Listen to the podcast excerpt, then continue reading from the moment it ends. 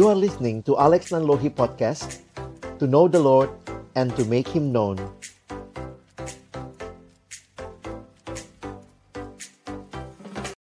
Shalom, selamat malam Bapak Ibu, Saudara yang dikasihi Tuhan. Senang sekali malam hari ini bisa kembali menyapa Bapak Ibu sekalian, saudara-saudara yang dikasihi dalam Tuhan Yesus Kristus. Kalau biasanya kita bisa bertemu secara fisik Tetapi situasi ini ternyata juga Tuhan memberikan kesempatan kita tetap bisa menikmati pembinaan Meskipun secara online seperti ini. Kesempatan ini saya rindu sama-sama kita akan melihat tema yang diberikan kepada kita. Dan biarlah ketika kita sama-sama nanti belajar tema ini baik uh, Bapak Ibu dan sebenarnya saya juga ya yang, yang mempersiapkannya terlebih dahulu disegarkan untuk uh, sama-sama melihat kembali mengevaluasi kehidupan kita, pelayanan kita di hadapan Tuhan. Jadi tema pelayan yang sejati ini saya landaskan dari pembahasan dua pasal pertama dalam kitab 1 Tesalonika. Nah, saya ingin mengajak kita Bapak Ibu sekalian, kita akan membaca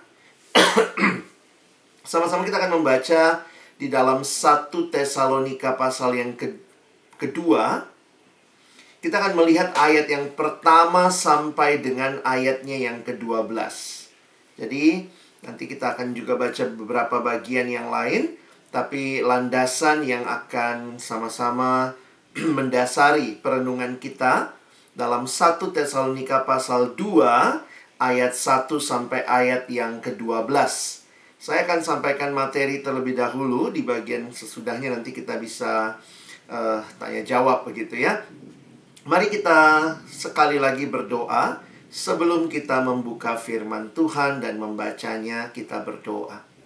Kami akan membuka firman-Mu ya Tuhan, bukalah juga hati kami.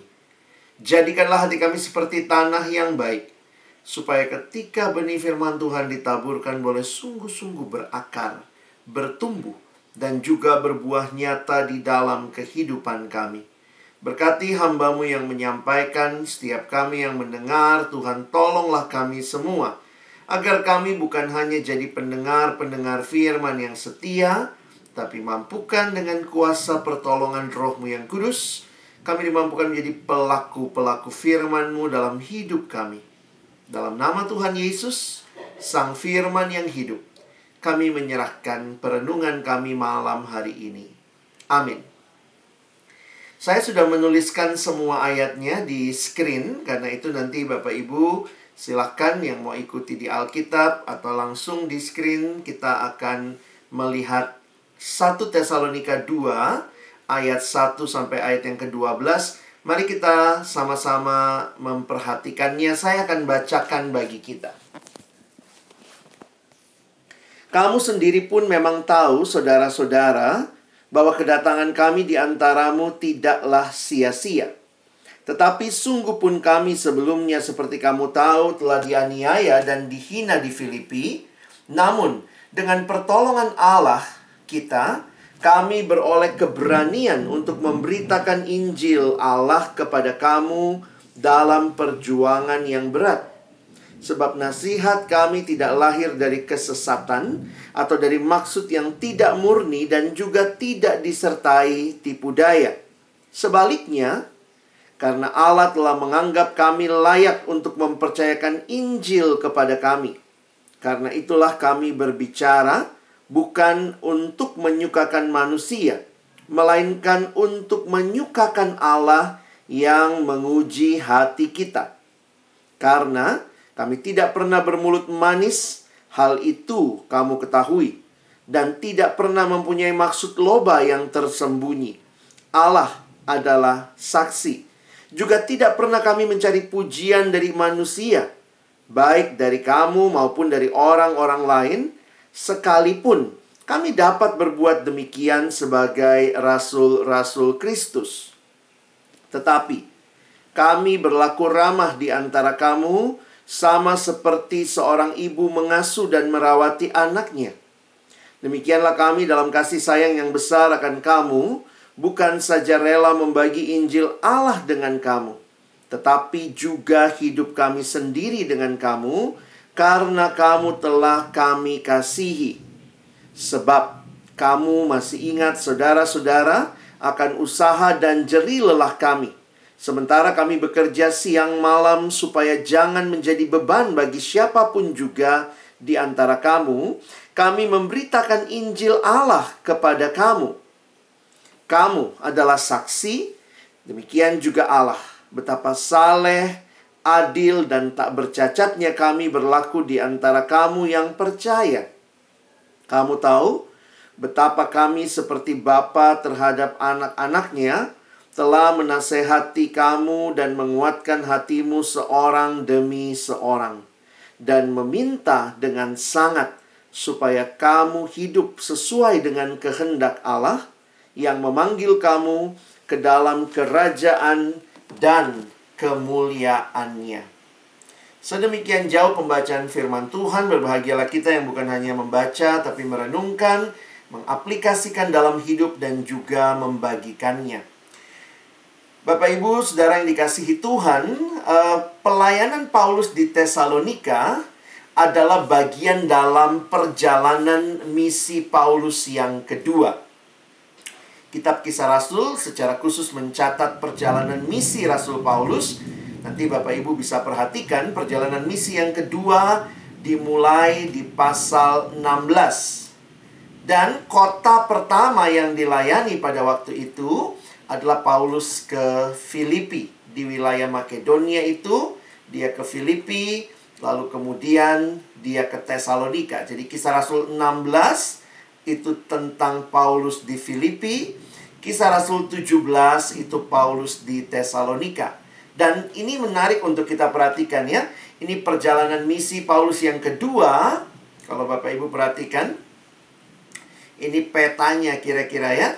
This is the Paul uh, Paul secondary uh, second missionary journey itu mulai dari kisah Rasul 15 sebenarnya. Nanti banyak ditulis di 16 sampai kisah Rasul 18. Jadi kalau Bapak Ibu Saudara memperhatikan uh, coba lihat yang ini ya. Bagian yang saya coba mungkin kursornya kelihatan atau tidak gitu ya. Nah, ini daerah-daerah ini kota Tesalonika. Sebelumnya ini Filipi, ya. Mungkin kalau kita perhatikan, kita bisa zoom. Atau ini yang lebih dekat ya. Nah, jadi kalau Bapak Ibu perhatikan, itu ada kota Filipi, lalu ada Amphipolis, Apolonia, lalu kemudian Tesalonika. Nanti kisah Rasul 17 ayat 10 ke bawah, Paulus ada di Berea. Nanti kemudian dia lebih lanjut lagi ke Athena. Kalau Bapak Ibu perhatikan, lihat ada yang ditulis dengan huruf yang lebih besar. Itu judulnya atau nama provinsi. Jadi kalau kita lihat sekilas, ada dua provinsi besar di situ. Provinsi apa? Provinsi Makedonia dan provinsi Akhaya, ya. Jadi Akhaya dan Makedonia. Nanti kita bisa perhatikan sebenarnya ada nggak muncul di situ, tidak kelihatan ada kota Korintus ya. Kalau lihat di peta sebelumnya ada Korintus di situ. Ya, ada Korintus di wilayah Akhaya. Nah, ini kota Korintus, Athena, Korintus, lalu ada Kengkrea. Ya, itu semua ada di kisah Rasul. Kenapa ini penting buat kita perhatikan? Karena bagaimanapun kita menyadari bahwa Tuhan memakai Paulus melayani ke daerah-daerah ini. Jadi ini daerah-daerah yang dirintis oleh Paulus dan timnya, ya. Termasuk berarti kota Tesalonika. Jemaat di Tesalonika berdiri karena inisiatif Tuhan tentunya melalui pelayanan hambanya Paulus. Nah, Bapak Ibu sebelum kita masuk pasal 2, Sebelum kita masuk pasal 2, saya ingin kita lihat sebentar. Bagaimana jemaat Tesalonika, ya? Salah satu yang menarik kalau kita perhatikan di surat Paulus adalah bagaimana Paulus mengucap syukur kepada Allah tentang jemaat.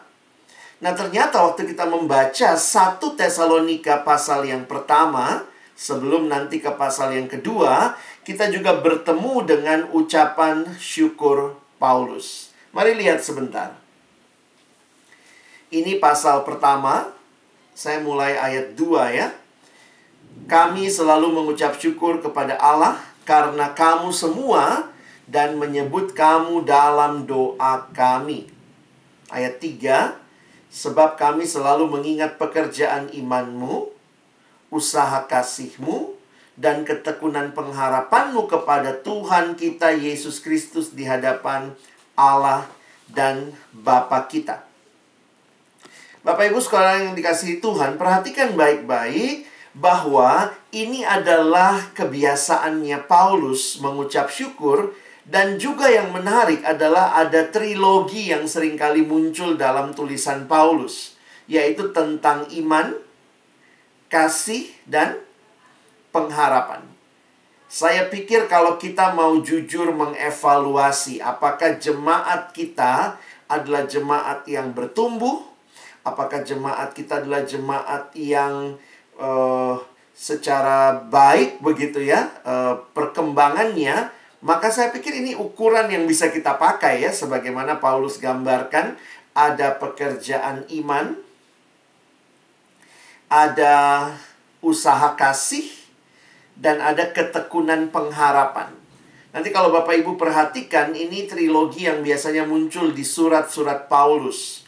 Memang secara khusus di dalam salam ini kepada jemaat di Tesalonika kelihatan banget begitu ya pekerjaan imanmu, usaha kasihmu, ketekunan pengharapanmu. Kalau Bapak Ibu perhatikan baik-baik bahwa ini menjadi hal yang menarik di dalam kehidupan jemaat. Iman berkaitan dengan vertikal, iman kepada Allah, beriman pada Kristus ya. Usaha kasih ini bicara relasi dengan sesama.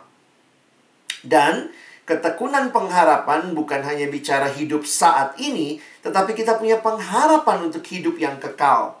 Dan itulah yang menjadi ciri dari jemaat yang Paulus syukuri di hadapan Tuhan.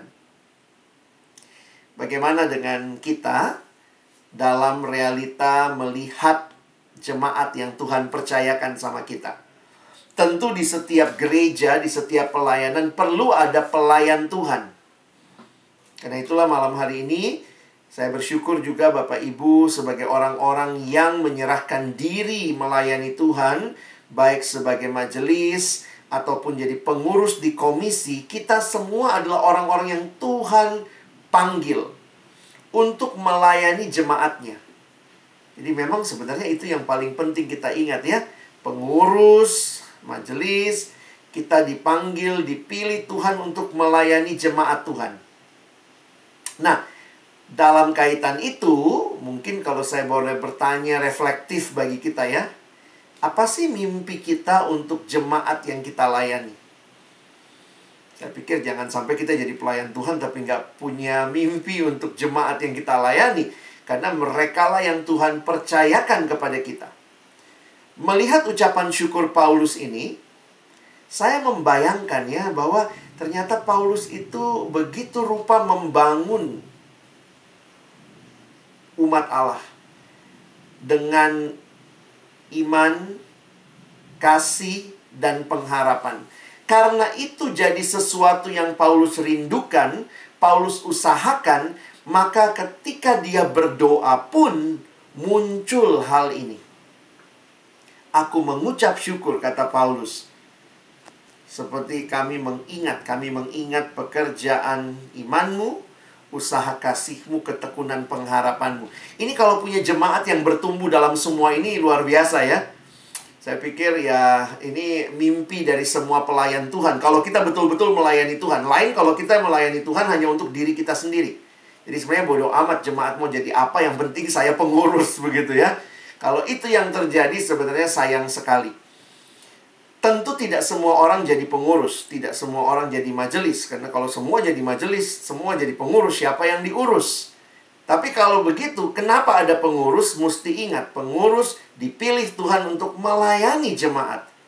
Jadi kalau di dalam hatinya pengurus, di dalam hatinya majelis, tidak muncul doa untuk jemaat, tidak muncul kerja keras untuk jemaat, itu jadi pertanyaan besar sebenarnya.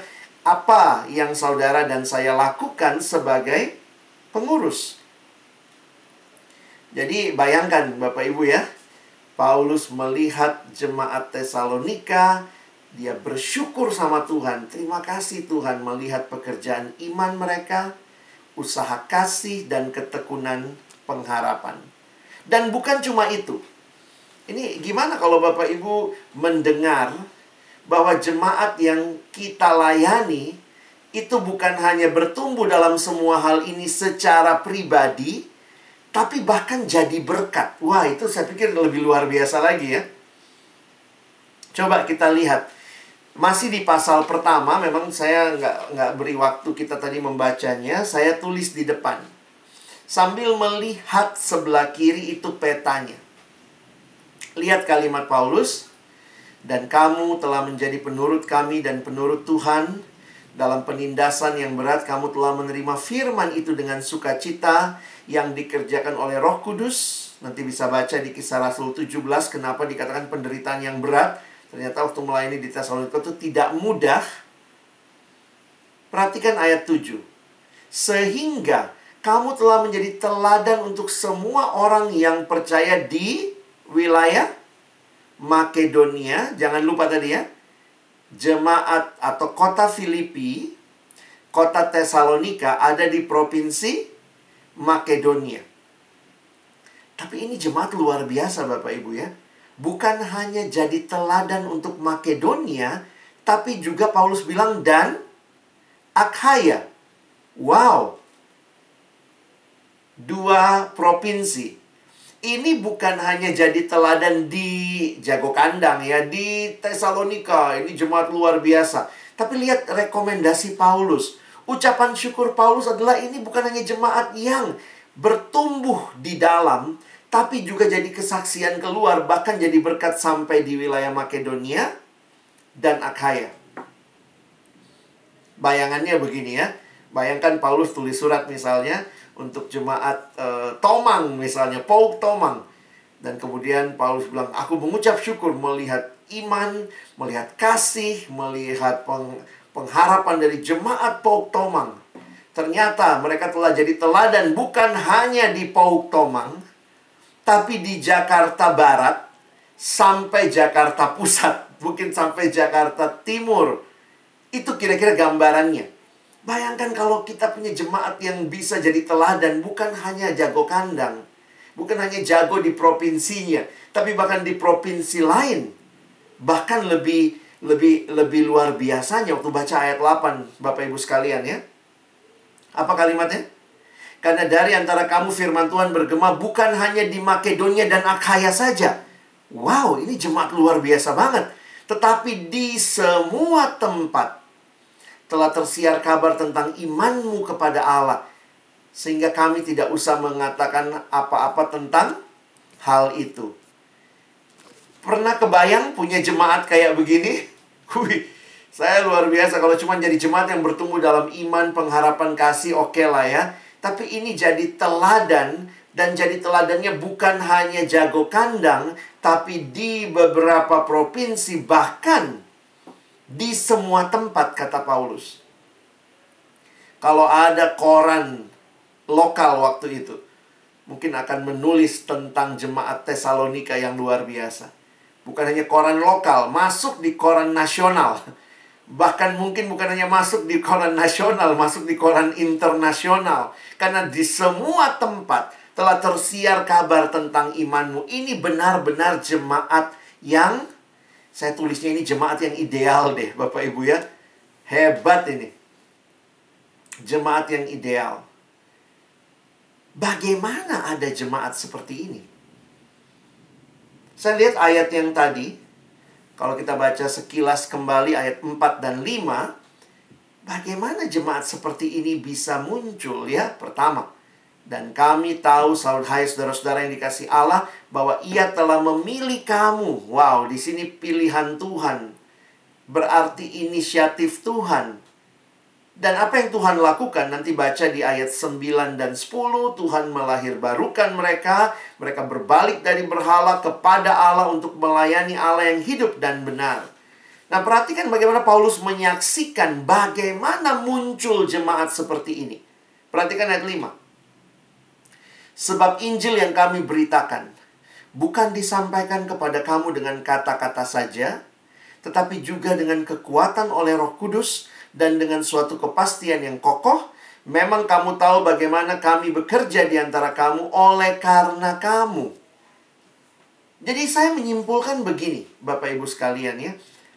Ayat yang kelima, kalau kita baca dengan teliti, berarti ada berapa pihak yang bekerja.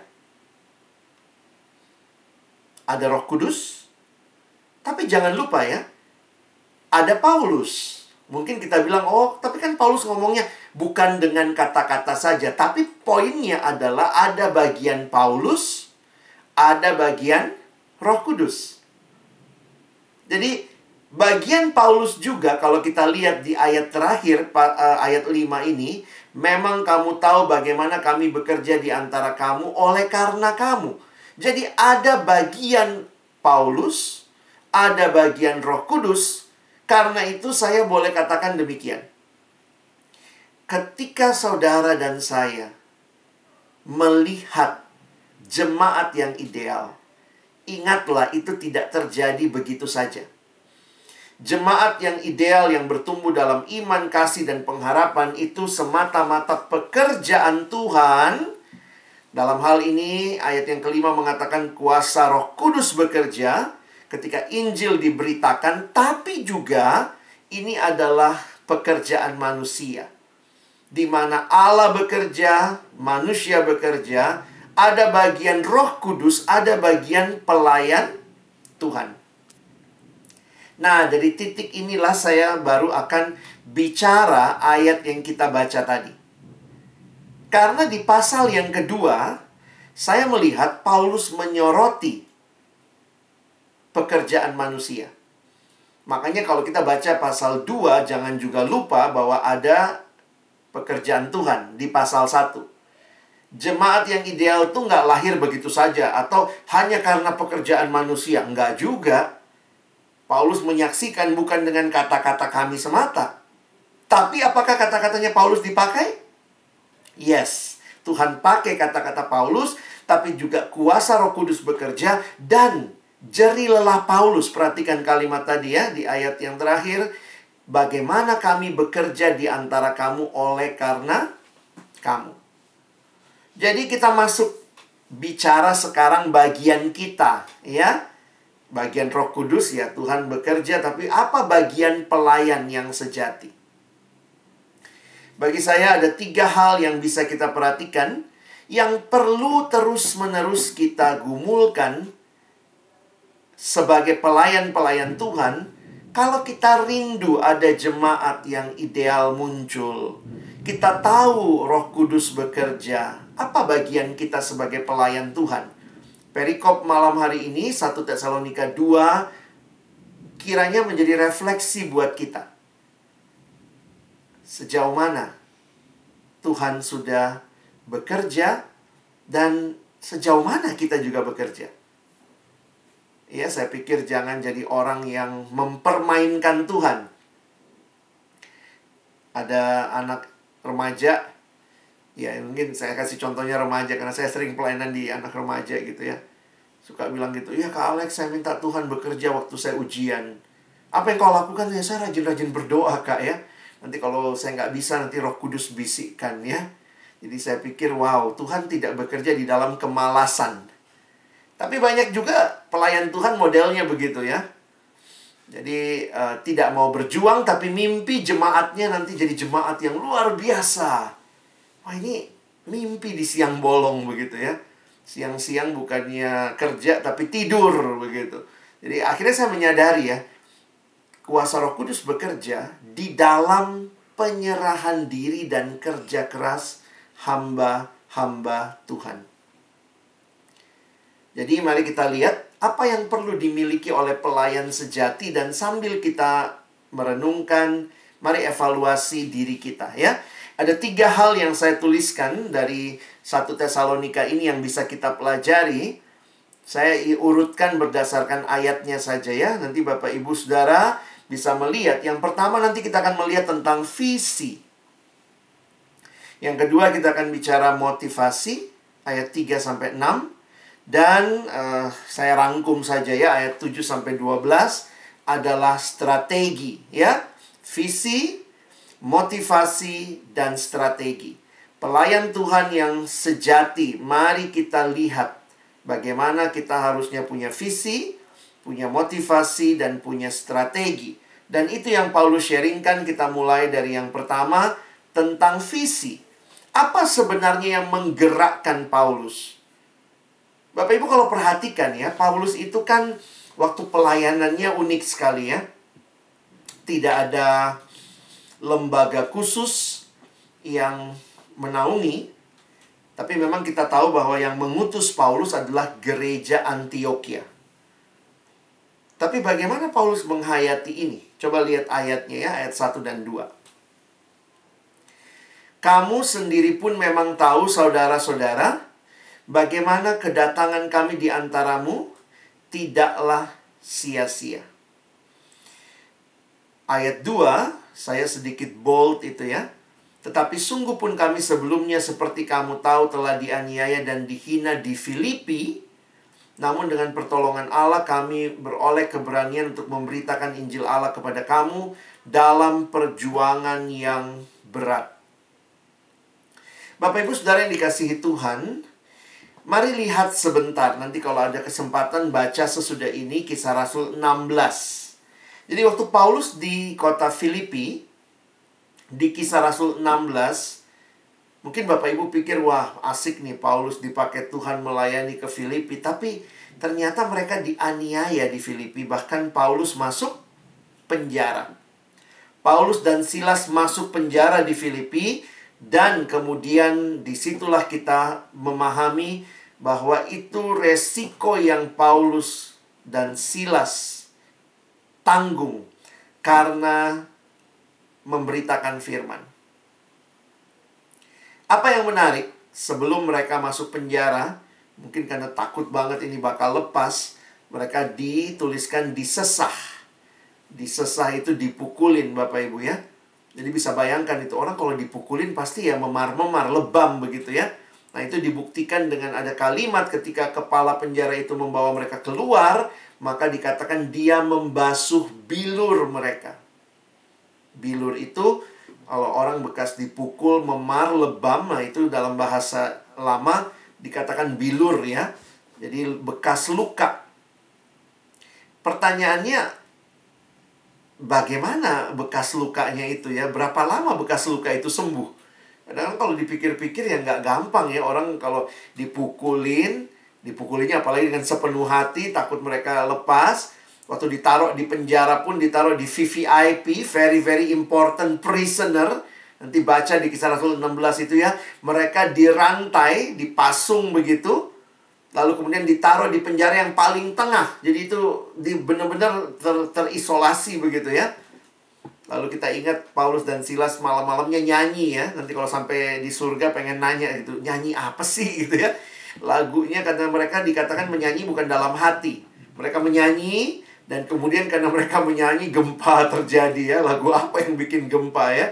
dan kemudian sendi-sendi penjara pintunya terbuka mereka dianggap melarikan diri peng, uh, kepala penjaranya mau bunuh diri begitu ya kalau baca kisahnya tuh waduh itu kalau dibikin film tuh dramatis sekali ya tapi bagi saya yang menarik adalah Tuhan bekerja dan kemudian hamba Tuhan ini dilepaskan Paulus dan Silas keluar dari penjara Besokannya mengunjungi saudara-saudara di situ lalu mereka melanjutkan perjalanan.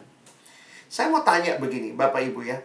Kalau kita e, jadi Paulus dan Silas, kira-kira bayangkan diri kita di kondisi Paulus dan Silas. Habis dipukulin, masuk penjara.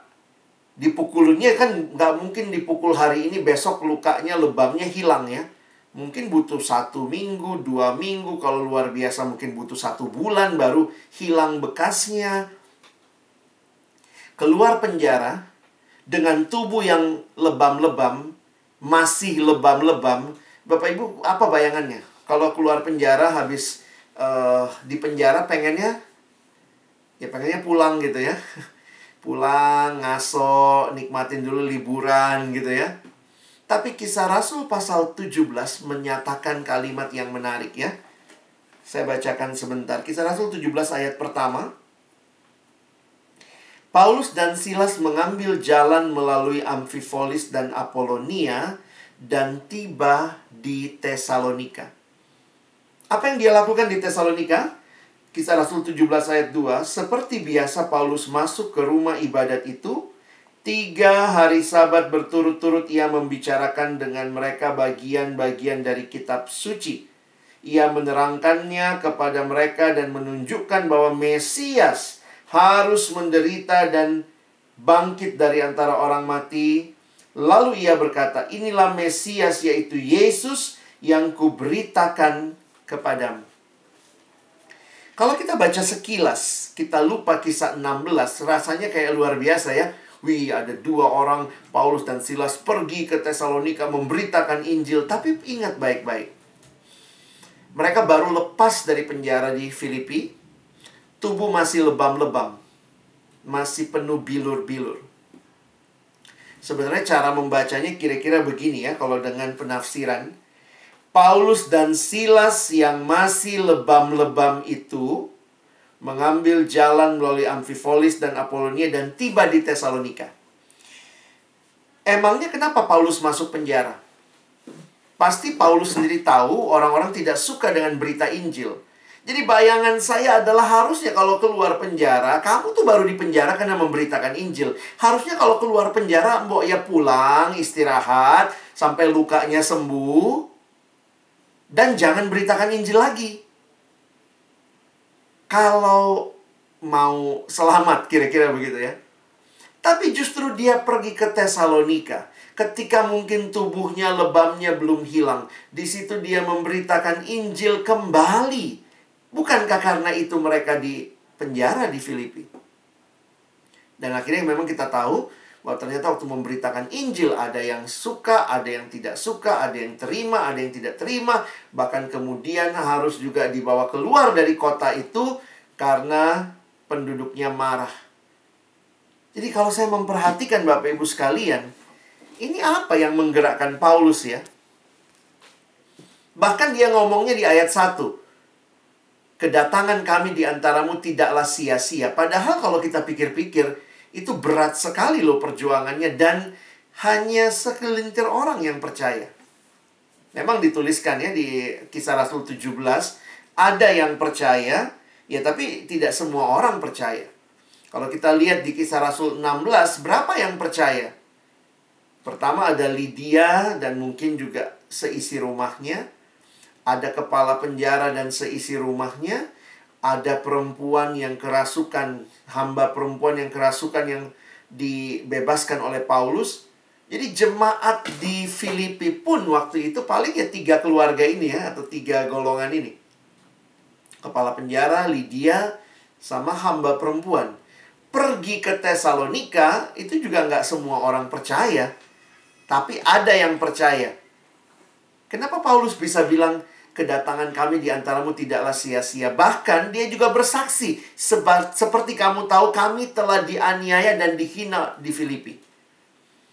Saya pikir itulah bagian yang kita sedang renungkan ini yang menggerakkan Paulus untuk melayani semata-mata adalah visi dari Tuhan.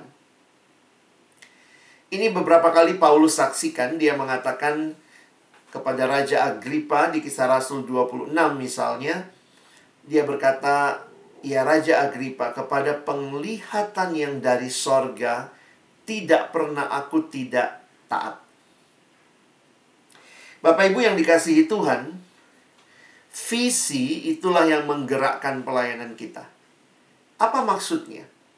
Kalau kita tahu persis yang memanggil kita melayani adalah Tuhan maka kiranya itu yang memberikan kepada kita kekuatan untuk bertekun, meskipun ada penderitaan, kekuatan untuk terus melayani, meskipun hasilnya belum kelihatan. Kadang-kadang banyak orang yang mau melayani waktu lihat pelayanannya besar. Tapi ketika misalnya pelayanannya lambat, pertumbuhannya mungkin terseok-seok begitu ya. Saya akhirnya melihat kalau kita pakai kacamata dunia, mungkin kita akan bilang pelayanan Paulus tuh di kota-kota itu sia-sia banget. Gimana pergi ke sini dianiaya, lari lagi ke sana sampai sana dianiaya. Cuman segelintir orang yang percaya. Tapi karena kacamata memandang pelayanan bukan kacamata manusia, dunia, bukan kacamata kuantitas semata, maka Paulus bisa berkata, "Kedatangan kami di antaramu tidaklah sia-sia." Saya tidak tahu berapa banyak dari kita yang memang masih punya visi yang jelas untuk melayani ya. Sehingga kita mau berjuang, kita mau setia. Kadang-kadang setia tuh nggak gampang, apalagi di masa pandemi ya. Makanya juga banyak persekutuan, banyak uh, pelayan Tuhan juga bingung gitu ya. Ayo kita semangati jemaat kita. Aduh, padahal pengurusnya lagi nggak semangat nih ya. Ayo bikin pertemuan, padahal pengurusnya juga ogah-ogahan mau ketemu gitu. Bisa jadi begitu juga. Saya di awal-awal pandemi ini karena saya banyak melayani ke kampus-kampus dan sekolah-sekolah, itu banyak alasan. Karena waktu itu memang kita mikirnya kan pandemi ini paling sebulan ya. Ah, paling sebulan, habis itu semua bisa aktivitas lagi. Jadi waktu itu banyak yang berhentiin kebaktian. Karena di kampus-kampus itu kebaktiannya biasanya hari Jumat.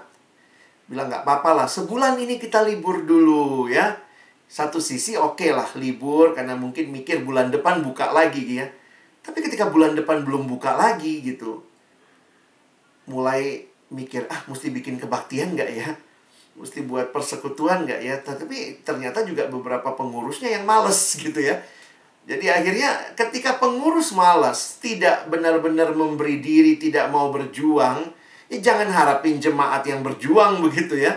Itu kan logikanya ya pengurusnya yang berjuang, tapi pertanyaannya pengurusnya berjuang apa tidak? Jadi ini juga jadi satu perenungan buat saya.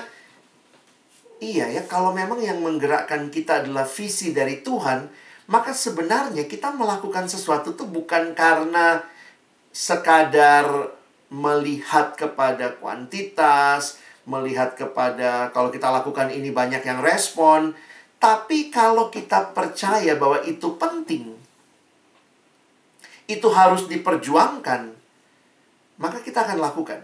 Meskipun mungkin tidak banyak yang merespon.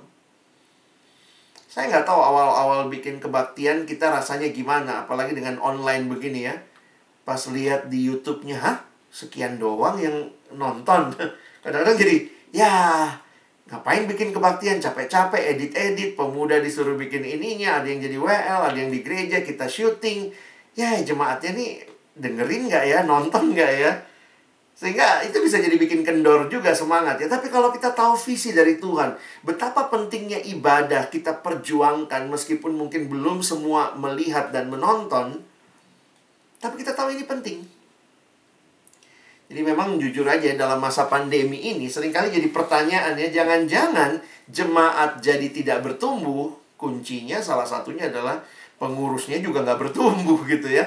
Pengurusnya juga lagi nggak sungguh-sungguh uh, atau ngerasa gitu aduh ngapain sih? Aduh kok kayaknya males ya. Dan ya udah kalau itu jadi perspektif pengurus perspektif majelis ya jangan harap jemaatnya lebih rajin begitu jadi ini balik lagi ya, apa yang menggerakkan pelayanan kita? Apakah visi dari Tuhan? Dan visi itu sebenarnya melampaui apa yang kita lihat. Kadang-kadang kalau saya jadi Paulus ya, pergi ke sini dianiaya ya yang bertobat tiga, empat, pergi lagi tempat lain.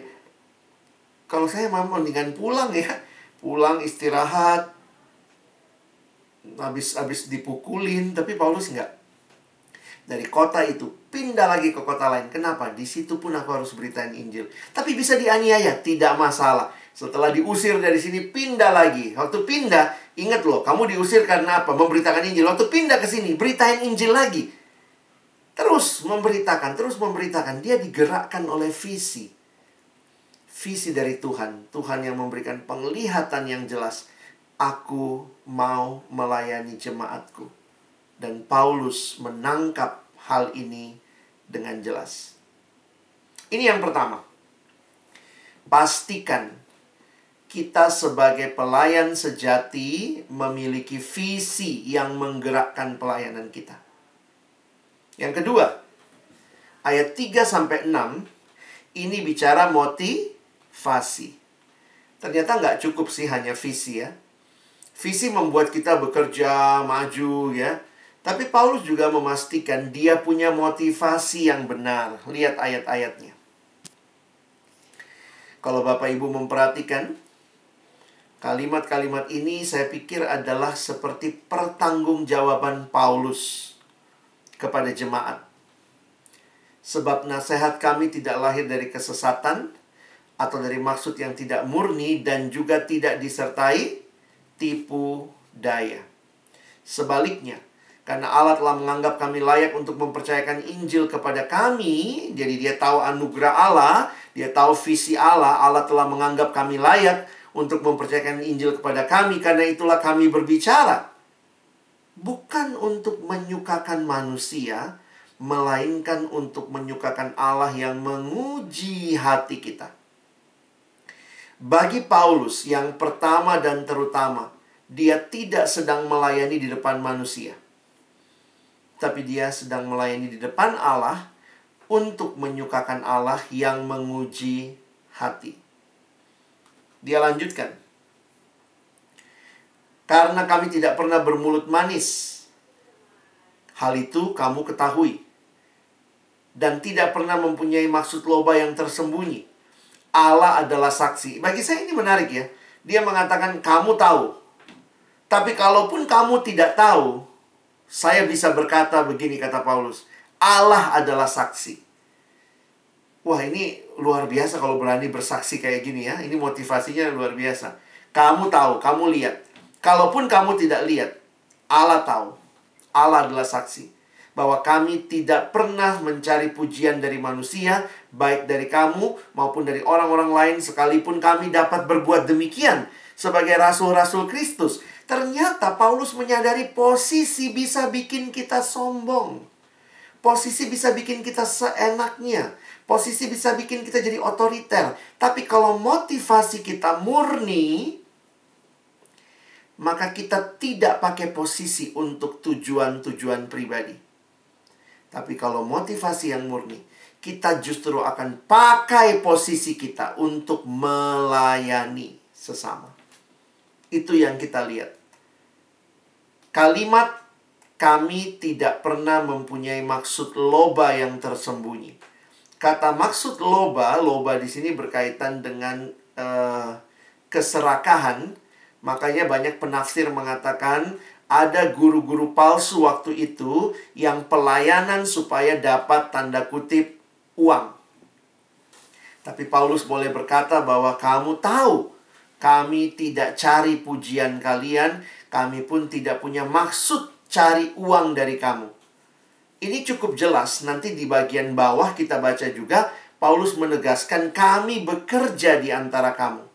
Kalau kita tahu Paulus menjadi tukang tenda, jadi nampaknya di jemaat yang belum mengerti memberi persembahan, Paulus bekerja supaya dia tidak memberatkan jemaat.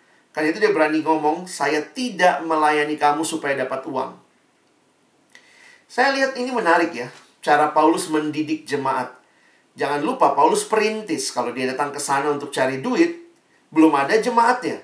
Tapi ketika ada jemaatnya pun jemaat yang masih muda, yang masih baru mungkin belum mengerti memberi.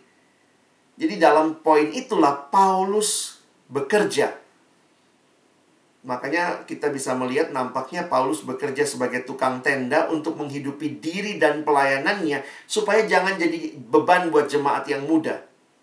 Tapi perhatikan setelah jemaat muda bertumbuh, maka sebagai contoh di 1 Korintus Paulus bilang, kalau kamu sudah punya uangnya kira-kira begitu ya, maka mesti ingat belajar memberi.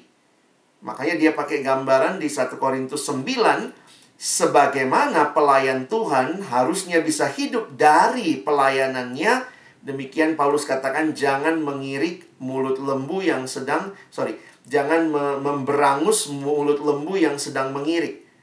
Ternyata lembu itu atau sapi ya pada waktu itu kalau mengirik itu dia muter itu ya kayak kilangan begitu. Nah, biasanya sambil dia jalan karena dengan waktu kalau dia jalan akhirnya pengirikan berjalan ya. Di situ bisa uh, apa ya? gandum digiling atau seterusnya. Nah, kadang-kadang ada rumput ditaruh, kadang lembunya itu berhenti bentar makan rumput lalu dia jalan lagi. Nah, Paulus mengatakan itu jangan memberangus mulut lembu yang sedang mengirik. Sebenarnya prinsip yang dia mau katakan bahwa kalau hamba Tuhan itu hidup dari pelayanannya karena dia melayani jemaat-jemaat memberi kepada dia, itu sudah bagiannya. Jadi ketika jemaat bertumbuh, Paulus mengajarkan memberi persembahan. Tetapi ketika jemaat masih muda, Paulus tidak datang untuk mencari uang ke situ. Wah, waktu saya mengerti hal-hal seperti ini, saya pikir menarik ya, motivasi yang benar-benar murni. Saya ingin memberitakan Injil. Saya ingin memperkenalkan Kristus kepada jemaat. Bahkan bukan untuk cari pujian. Nah, ini memang sulit ya. Kita ada dalam masyarakat penuh topeng. Bisa tanya nanti sama Kak Budi ya yang belajar banyak tentang psikologi ya. Manusia itu paling pinter cari topeng ya. Topeng-topeng kerendahan hati, supaya ditinggikan. Jadi itu kerendahan hati papan loncat. Pura-pura rendah hati supaya tuing naiknya nanti lebih tinggi. Sehingga kalau kita melayani Tuhan demi uang, motivasinya uang. Kalau kita melayani demi motivasi dipuji orang, sebenarnya akhirnya kita sadar ya, kita nggak sedang melayani Tuhan. Kita sedang melayani diri kita kita sedang melayani keinginan kita, kita bahkan sedang melayani pendapat orang tentang kita. Makanya kembali lagi ya, saya sadar tidak ada dari kita yang motivasinya sudah sempurna. Pahami itu ya. Tapi saya pikir nggak kebetulan malam hari ini buat kita yang sudah jadi pengurus, sudah jadi majelis, atau entah nanti ada kepengurusan yang baru, kemajelisan yang baru, Kenapa Tuhan ingatkan lagi ya? Karena Tuhan tahu ya bahwa kita tuh gampang sekali slip motivasinya. Makanya mari kita benahi lagi motivasi kita ya Bapak Ibu sekalian. Jangan-jangan kita lagi cari nama nih. E, bagus juga kan masuk warta jemaat ada nama saya gitu ya. Wah, wow, majelis, pengurus komisi. Tapi ya balik lagi. Kita cuma senang nama kita ada di situ, kita cuma senang kita dipandang, tapi ternyata kita nggak sedang melayani Tuhan, kita sedang melayani diri kita. Kita sedang melayani kesombongan kita. Karena kita suka dipuji, suka disanjung, kalau diremehkan kayaknya nggak mau begitu ya. Oh, maka bisa jadi itu jadi motivasi kita. Paulus berkata, kami bisa berbuat demikian. Wow, bisa dia cari duit dari pelayanan, bisa dia sombong-sombongan, cari pujian dari manusia. Wah, itu jemaatnya Paulus. Kalau nggak ada Paulus, nggak jalan gitu ya. Mungkin kalau sekarang apa? Oh, kalau nggak ada uh, Pak Novan, nggak jalan semua ini. Wah, dialah segala-galanya. Tapi kalau itu kita pakai demikian, kita nggak sedang melayani Tuhan. Kita nggak sedang melayani jemaat Tuhan. Kita sedang melayani diri kita. Motivasi yang tidak murni sebenarnya sangat menyedihkan dalam pelayanan. Jadi uh, mari evaluasi motivasi kita juga ya. Kita perlu visi dari Tuhan. Kita jaga kemurnian motivasi kita dan miliki yang terakhir strategi. Saya bingung juga pakai istilah apa ya, tapi kira-kira ini yang bisa saya pikirkan. Apa strategi yang muncul? Sebenarnya bagi saya visi yang jelas, motivasi yang clear, itu melahirkan yang ketiga ini strategi yang atau mungkin pakai istilah kerja keras yang maksimal. Jadi apa strategi Paulus untuk mewujudkan visi dan misi yang dia terima dari Tuhan? Dia mengatakan uh, saya garis bawahi saya bold di sini ya ada dua istilah yang muncul. Tetapi kami berlaku ramah di antara kamu sama seperti seorang ibu mengasuh dan merawati anaknya. Bapak Ibu perhatikan ya. Paulus itu beberapa kali pakai ilustrasi orang tua, khususnya ibu. Nanti mungkin lihat lagi di Galatia, Paulus berkata untuk jemaat, aku tuh seperti sakit melahirkan buat kamu begitu ya. Bagi saya unik juga ya, kan Paulus gak pernah jadi perempuan ya Bapak Ibu ya. Kan Paulus gak pernah jadi perempuan tuh. Tapi dia menghayati peran seperti ibu. Di satu uh, di Galatia tadi Paulus menghayati itu mungkin kayak perjuangan hidup dan mati kan ya, melahirkan itu ya. Apalagi di masa mereka yang benar-benar uh, belum ada sterilisasi yang baik, pasti melahirkan itu uh, penuh perjuangan, mempertaruhkan hidup dan mati. Dan Paulus berkata, "Aku melahirkan kamu," kira-kira begitu ya. Kamu tuh jemaat tuh begitu saya kasihi, saya jaga seperti ya saya melahirkan kamu begitu. Di satu Tesalonika dia pakai gambaran sama seperti ibu mengasuh dan merawati anaknya. Perhatikan ayat 8. Demikianlah kami dalam kasih sayang yang besar akan kamu bukan saja rela membagi Injil Allah dengan kamu, tetapi juga hidup kami sendiri dengan kamu karena kamu telah kami kasihi. Nah, ini yang saya bilang tadi di awal ya, siapa yang ada di hati, di pikiran pelayan-pelayan Tuhan ya? Kalau kita dengan motivasi yang tidak murni, yang ada di pikiran kita adalah bagaimana saya bisa dipuji orang. Saya mesti ngapain lagi ya? Oh, kurang banyak sumbangan saya sama gereja. Mesti banyakin supaya orang muji saya. Kalau fokus kita adalah diri kita, maka motivasi yang nggak murni terus mikirin diri, boro-boro mikirin jemaat. Tapi lihat Paulus. Bahkan dia rela membagi hidupnya. Dia bilang bukan hanya Injil yang dia beritakan, tapi juga hidupnya sendiri dengan kamu. Maka ini kesaksian ayat 9 yang saya jelaskan tadi. Sebab kamu masih ingat saudara-saudara akan usaha dan jerilah kami. Paulus tuh kerja. Sementara kami bekerja siang malam supaya jangan menjadi beban bagi siapa pun di antara kamu dan uh, kami memberitakan Injil Allah kepada kamu. Jadi Paulus mau mengatakan, saya berjuang loh. Saya bahkan kerja karena kamu nampaknya belum sanggup memberi. Saya beritakan Injil kepada kamu. Gambaran yang berikutnya adalah gambaran maskulin ya. Bapa. Ini yang saya bold ya, bikin warna merah. Jadi seperti ibu dan juga seperti bapak.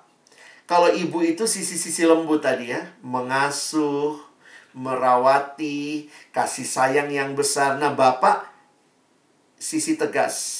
Seperti Bapak terhadap anak-anaknya telah menasehati kamu dan menguatkan hatimu. Dan bagi saya ini strateginya menarik ya. Strateginya seorang demi seorang. Kadang-kadang gampang ya jadi pengurus untuk satu komisi.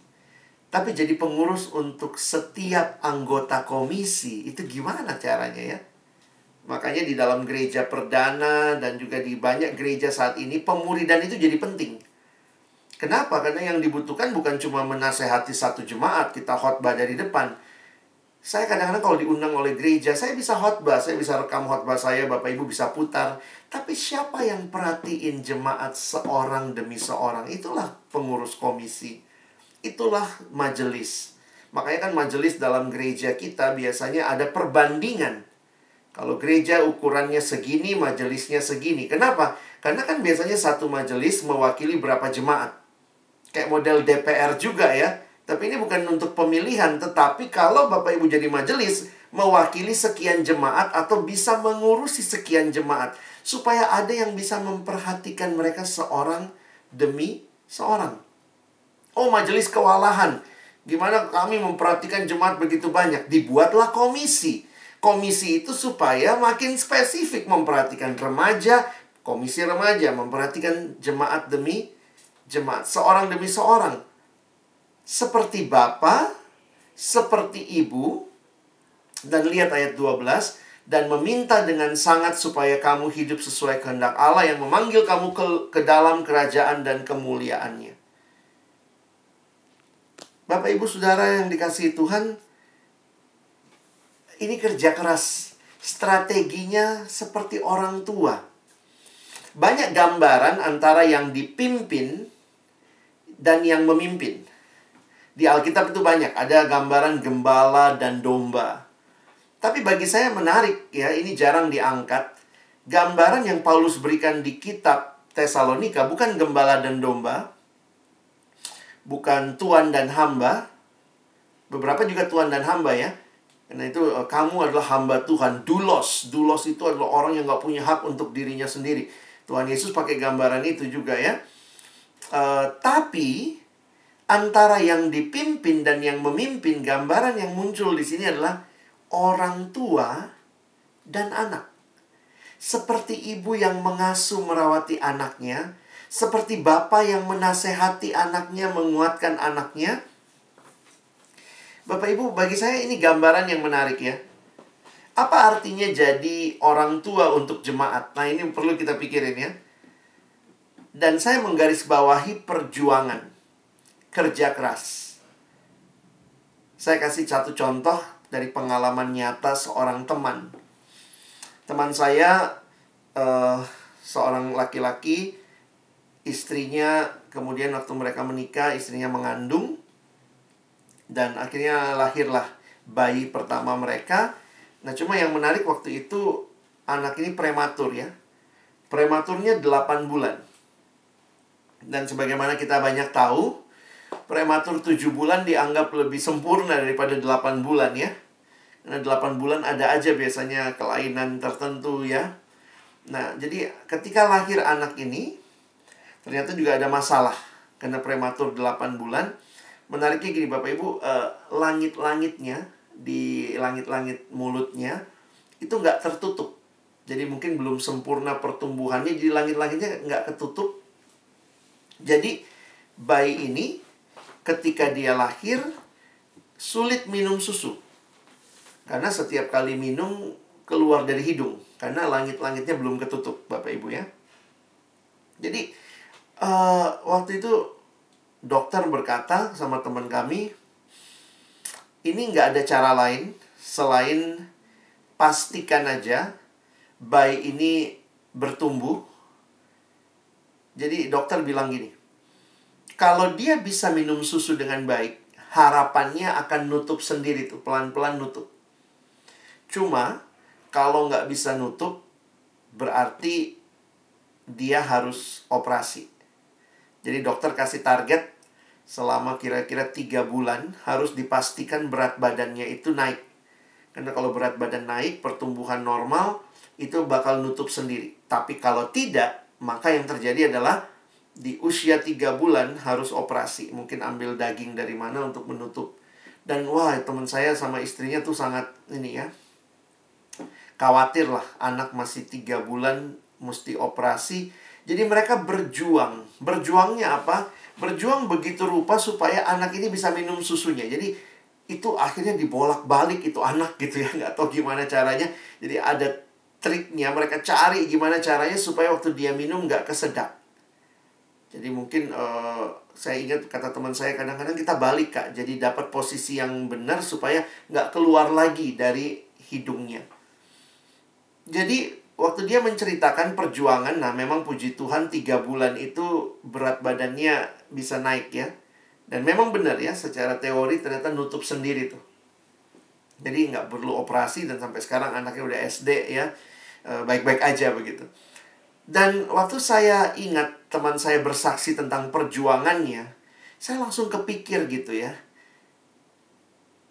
Apa waktu Paulus pakai istilah ini ya, seperti bapak, seperti ibu, menasehati seorang demi seorang, saya pikir, Tuhan, apakah saya sebagai pelayan Tuhan? Ataukah malam ini ya, kita sebagai pelayan Tuhan tuh punya daya juang segitunya gitu loh kita punya visi, kita punya motivasi, tapi kita juga punya strategi, kita punya kerja keras, kita punya kerinduan supaya jemaat bertumbuh. Oh, bayangkan kalau seperti ini pengurus komisinya, seperti ini majelisnya, benar-benar memikirkan dan berjuang. Misalnya ya, ada jemaat nggak bisa minum susu, misalnya gitu ya. Kita tahu misalnya dia butuh pembinaan, tapi uh, gimana caranya supaya kita membawa dia bisa ikut pembinaan, bisa dapat uh, makanan rohani. Saya kadang mikir jangan juga salahkan ah jemaatnya nggak mau bertumbuh nih. Tapi mungkin uh, pelayannya mesti mesti lebih lebih gigih gitu ya, memikirkan programnya apa, memikirkan bagaimana menolong. Saya melihat ya kalau Bapak Ibu yang sebagai orang tua ya, saya kadang kagum lihat mama-mama ya, emak-emak gitu ya, the power of emak-emak demi anaknya makan, uh banyak emak-emak tuh rela jadi apa saja ya. Misalnya jadi helikopter ada emak-emak ya misalnya kalau lagi nyuapin anaknya, ayo nak buka mulut ngeng, ini helikopter muncul, eh datang buka mulut gitu. Itu bahkan emak-emak rela jadi helikopter, rela jadi apa saja supaya anaknya makan, anaknya bertumbuh. Apakah sebagai pengurus, sebagai majelis, kita rela nggak ya? Do all the best we can supaya jemaat kita bertumbuh.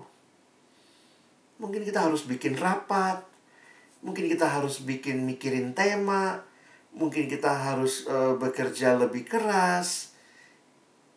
Tapi kalau kita give up, jadi saya ingat teman saya bilang gini, kadang-kadang kak malam-malam tuh nggak tidur tuh bolak balik tuh anak supaya posisinya pas saya pikir kalau orang tua begitu ya. Kalau bukan orang tua mungkin gini ah bodoh amat lah. Lu mau lu mau operasi atau apa bodoh amat gitu ya. Tapi dia bilang saya berjuang kak. Ini anak saya.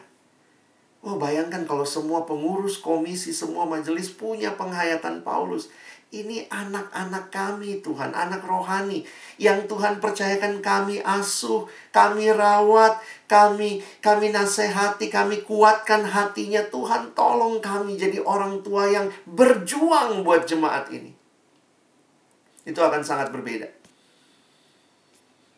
Sehingga Bapak Ibu Saudara sekalian saya ingin menutup dengan mengatakan kalau tadi di pasal 1 ada jemaat yang ideal.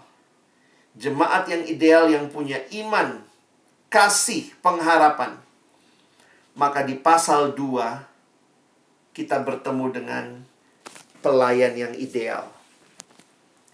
Jangan lupakan ada karya Roh Kudus, tapi juga ada bagian kita. Pelayan yang ideal punya tiga hal. Visi, motivasi, dan juga strategi. Kesimpulan malam hari ini, jemaat yang ideal, yang kita mimpikan jadi berkat, tidak akan tercipta begitu saja. Roh Kudus pasti bekerja, tapi pertanyaannya, bagian kita bagaimana? Apakah kita juga pelayan-pelayan yang ideal? Tentu tidak ada yang sempurna. Tapi ideal berarti terus mengejar hal yang semakin baik. Kalau kita sama-sama murnikan visi kita, motivasi kita, kegigihan kita dalam strategi, biarlah menjadikan satu bagian dalam kaitan rencana Tuhan. Penyerahan diri kita dipakai Tuhan, dipakai Roh Kudus membangunkan jemaat yang ideal. Jangan mimpi ada jemaat yang ideal kalau pelayannya ya tidak berjuang. Dan ini yang kiranya kita ingat malam hari ini ketika Bapak Ibu Saudara uh, kita dibina sekali lagi. Saya katakan tadi ya, uh, mungkin ya nggak ada dari kita yang sempurna ya, visinya jelas, motivasinya jelas, tapi biarlah kita pakai kesempatan malam hari ini. Adakah hal yang harus kita bertobat? Adakah hal yang Tuhan mau kita murnikan?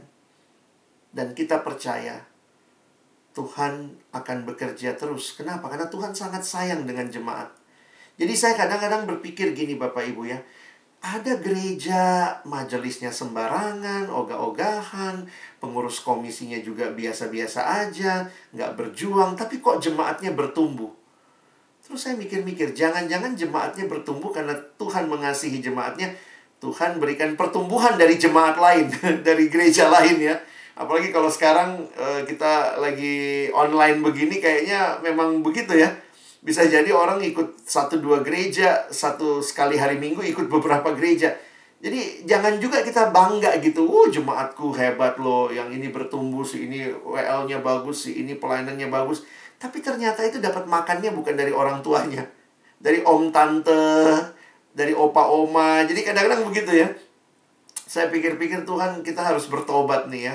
Jangan-jangan uh, jemaat sih bertumbuh karena Tuhan sayang banget sama jemaat. Tapi ternyata Tuhan nggak pakai kita. Ya itu sedih banget. Jadi kita hanya jadi status tanpa kita mengalami Tuhan memakai kita. Tapi kiranya refleksi perenungan malam hari ini, saudara, ini bukan hanya buat saudara, tapi juga buat saya yang melayani Tuhan apakah kita sedang terus berjuang dalam bagian kita membaharui visi, motivasi dan strategi kita bagi kemuliaan Tuhan. Kiranya Tuhan menolong kita jadi pelaku-pelaku firman-Nya. Amin.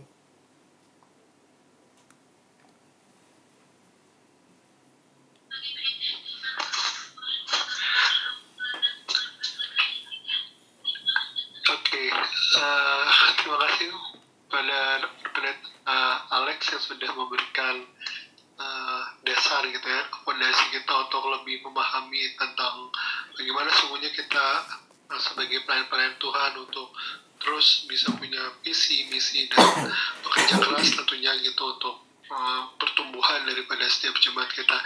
Nah uh, untuk sesi selanjutnya kita akan masuk ke dalam diskusi dan tanya jawab. Jadi bagi uh, Bapak Ibu dan saudara-saudari sekalian yang ingin atau rindu untuk menyampaikan pertanyaan atau diskusinya gitu ya kepada kita semua atau secara khusus juga kepada Pak Pendeta Alexander Lohi dipersilahkan dan bagi rekan-rekan juga tidak ada masalah dengan jaringan wifi mohon berkenan juga boleh menyalakan kamera depannya gitu sehingga kita bisa saling bertatap muka secara virtual. Dan diskusinya akan jauh lebih lebih enak gitu ya karena kita saling menatap wajah masing-masing. Dipersilakan untuk uh, Bapak Ibu dan saudara-saudari yang ada pertanyaan atau diskusi.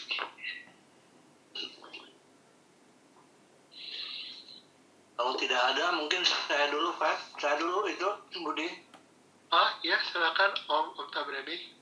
Silakan Om untuk mengawali.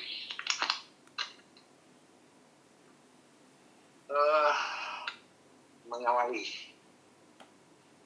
Pertama-tama saya berterima kasih kepada Pak Alek Sama-sama. karena malam hari ini saya saya mendapatkan berkat. Itu harus saya akui. Uh, ada beberapa hal yang ingin saya tanyakan atau saya sampaikan. Yang pertama adalah bagaimana trik ya, trik ya triknya agar anggota setiap komisi bertumbuh dan anggotanya bertambah. Padahal sulit untuk memenuhi visi motivasi dan strategi. Ini adalah pertanyaan yang pertama Pertanyaan yang kedua adalah sebagai manusia pasti punya kekurangan dan sangat terbatas. Bila kita sebagai pengurus memiliki salah satu dari yang tadi tiga, visi, motivasi, dan strategi. Ini kira-kira mengatasinya seperti apa? Uh, yang ketiga adalah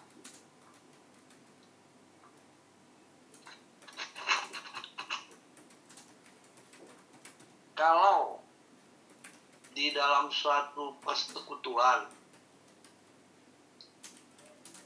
tidak ada ini agak menyimpang sedikit ya Pak Alek ya. Iya Pak tapi saya pikir perlu perlu untuk di, dipahami atau diketahui. Iya. Yang ketiga adalah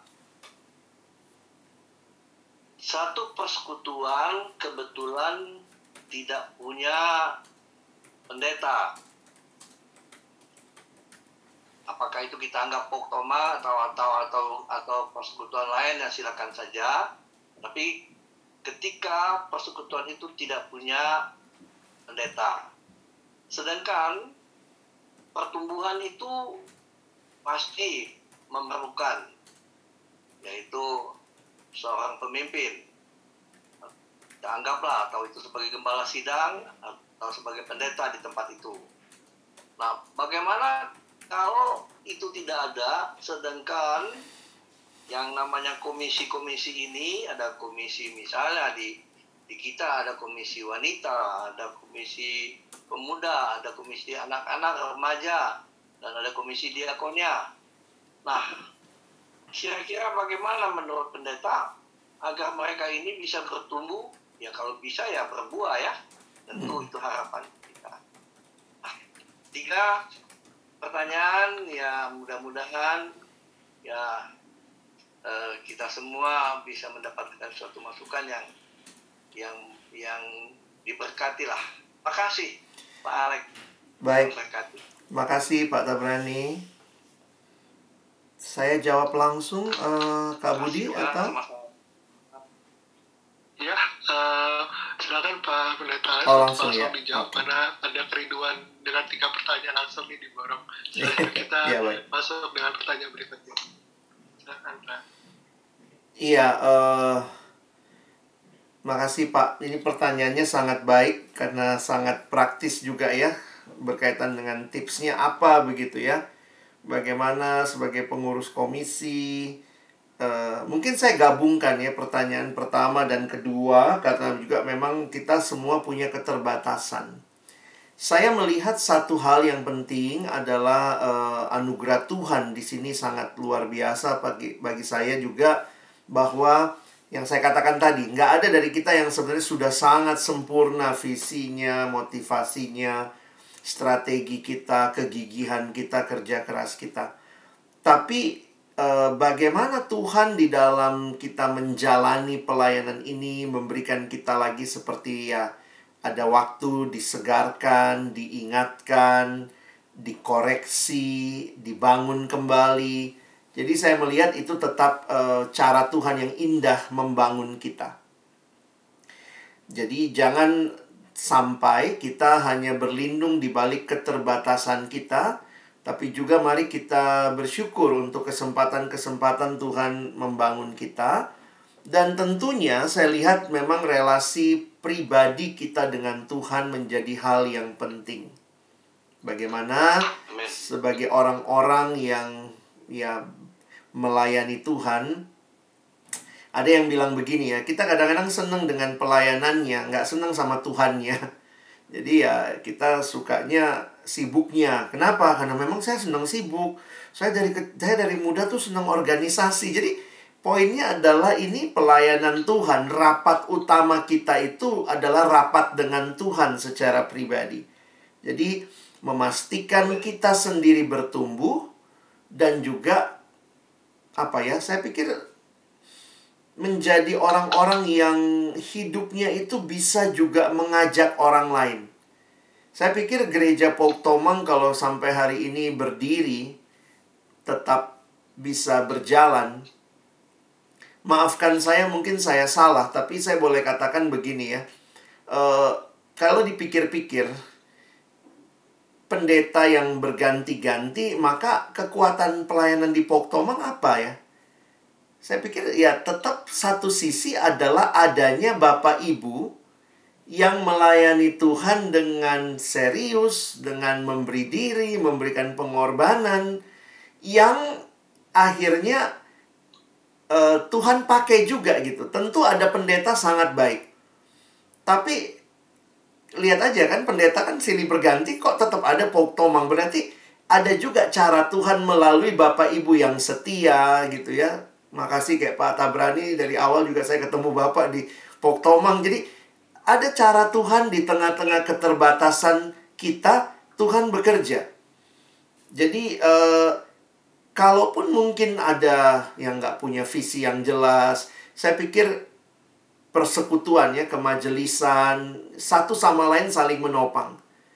Mungkin ada yang motivasinya kurang-kurang ya, yang lain backup lah gitu ya supaya saling saling jadi uh, kekuatan yang bukan saling melemahkan tapi yuk kita saling membangun.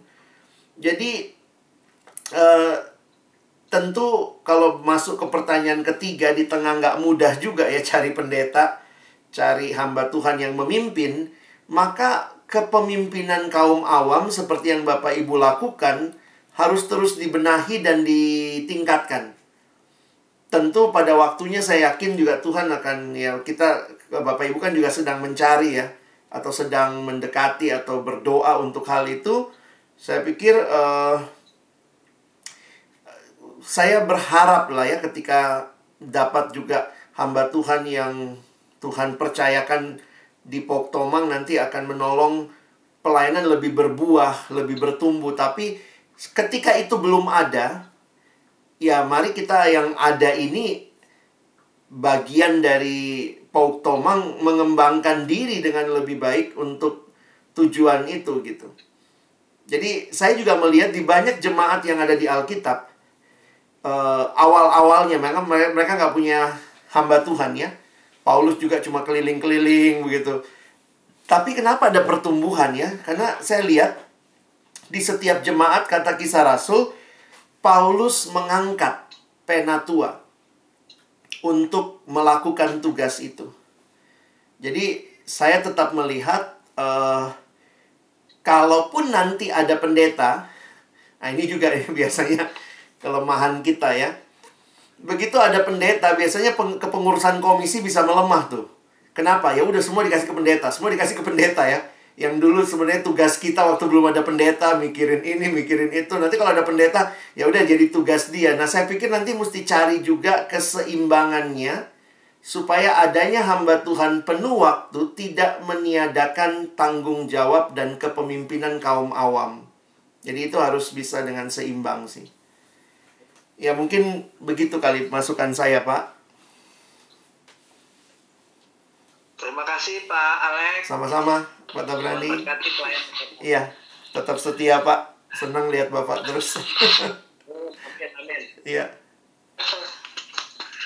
Oke, terima kasih Om Tabrani atas wah, langsung memborong tiga pertanyaan dan telah dijawab dengan uh, sangat kompak gitu ya oleh uh, Alex terima kasih juga untuk uh, tanggapannya gitu. Nah ini semakin membuat diskusi kita uh, semakin ini ya semakin seru gitu ya semakin menajamkan apa yang sudah kita uh, apa kita diskusikan sedari awal ya sesuai dengan tajuk kita hari ini atau malam hari ini terkait dengan pelayan sejati gitu. Nah mungkin saya buka floor lagi uh, dua dua penanya. Oh oke okay. Kak Sony sudah raiskan manual langsung ya tidak perlu pakai aplikasi silakan Kak mengawali kak. Ya, terima kasih Pak Alex. Sama-sama Pak Sony. Uh, saya ada dua pertanyaan.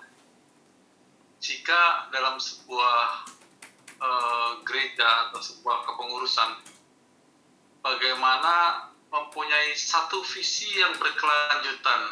Jadi, uh, bagaimana bisa adanya satu visi tapi berkelanjutan supaya jangka panjangnya uh, tercapai uh, melalui misinya ya. Yang kedua, kalau seandainya sebuah jemaah atau sebuah pengurus punya satu visi, tetapi dalam menerapkannya pengurusnya berbeda-beda cara. Bagaimana menyatukan itu untuk tercapainya sebuah visi? Ya. Terima kasih. Makasih Pak Sony. Saya langsung jawab ya Kak Budi ya. Ya, ya. silakan Bang.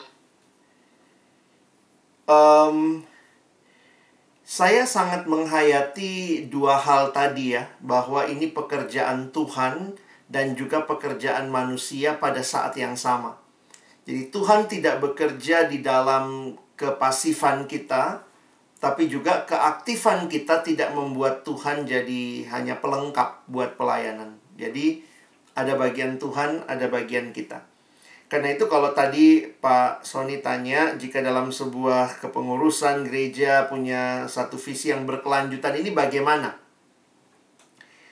Uh, bagian Tuhan, saya pikir Tuhan memelihara visi. Karena itu kita lihat ya, walaupun gereja jatuh bangun, banyak ancaman, tapi bayangkan, sampai hari ini 2000 tahun kemudian gereja tetap berdiri. Berarti ada visi yang berkelanjutan yang sebenarnya kalau kita pahami siapa yang pelihara, itu pasti Tuhan sendiri yang memelihara dengan caranya Tuhan. Itu caranya Tuhan memelihara bagaimana? Nanti saya bicara yang di bawahnya ya. Tapi yang kedua, bagian kita apa?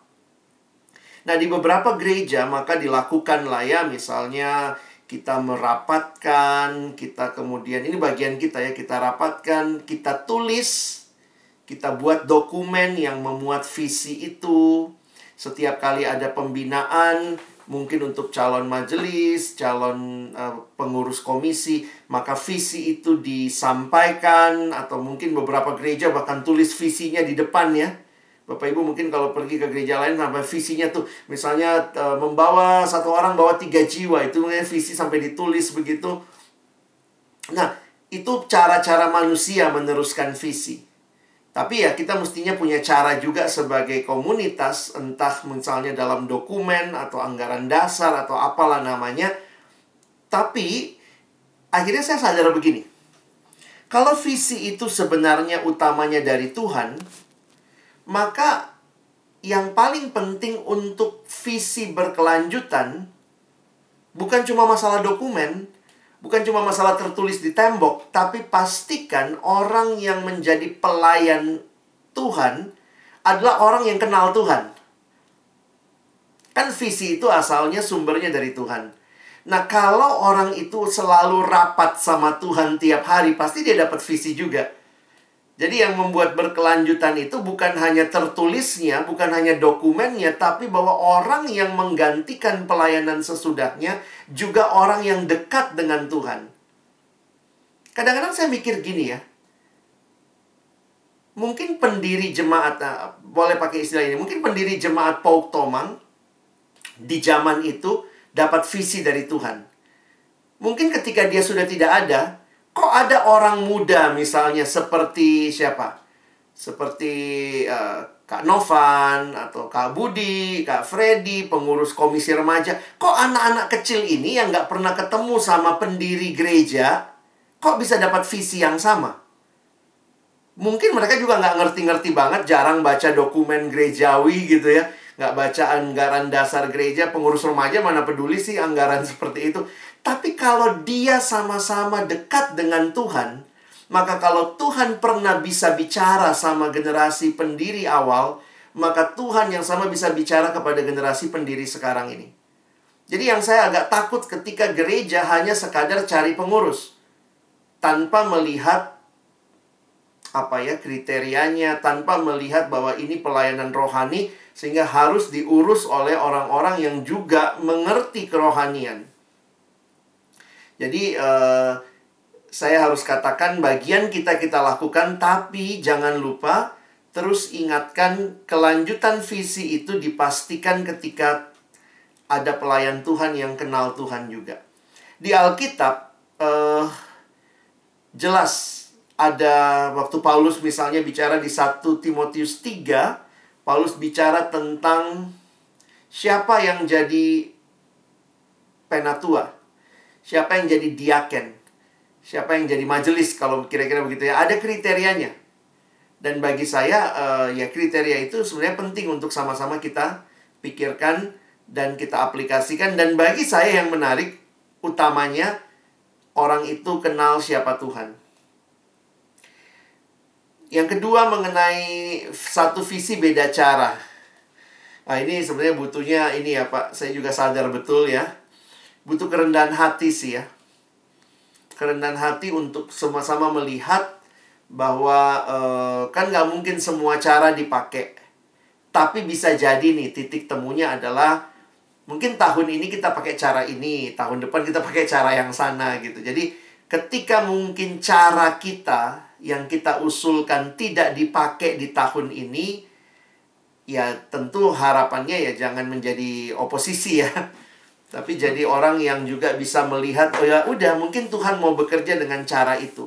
Apalagi kalau menarik tadi saya senang dengan kalimat awalnya Pak Sony visinya sama nih Pak ya. Kita tuh satu visi. Jadi berarti sebenarnya sama-sama memikirkan cara yang terbaik. Beberapa kali waktu saya beda pendapat, paling gampang tuh begini. Kalau kita beda pendapat, kita suka sering kali merasa kita yang diserang. Atau bahkan kita mencurigai motivasi orang. Ini orang nih kayaknya nggak serius ini. Dia nggak mau yang baik untuk jemaat. Padahal sebenarnya dua-dua mau yang baik, tapi satu pakai cara ini, satu pakai cara ini. Jadi saya pikir dalam rapat-rapat mari belajar rendah hati. Tentu harus memilih mana yang jadi kalau kita mau sama-sama fair, ya coba kita apalah SWOT kali ya.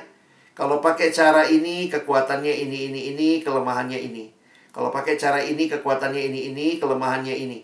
Lalu kemudian kita buka sama forum, sama-sama doakan, Lalu kita misalnya mesti mengambil keputusan mau pakai cara mana. Nggak ada cara yang sempurna. Nah, tapi waktu kita sama-sama memutuskan, saya pikir itu jadi cara Tuhan meneguhkan uh, hal itu. Nah, kalau tahun depan kita evaluasi mau pakai cara yang lain, saya pikir ya kita bisa lihat juga ya, nggak selamanya kan satu cara sepanjang masa. Ya mungkin begitu Pak.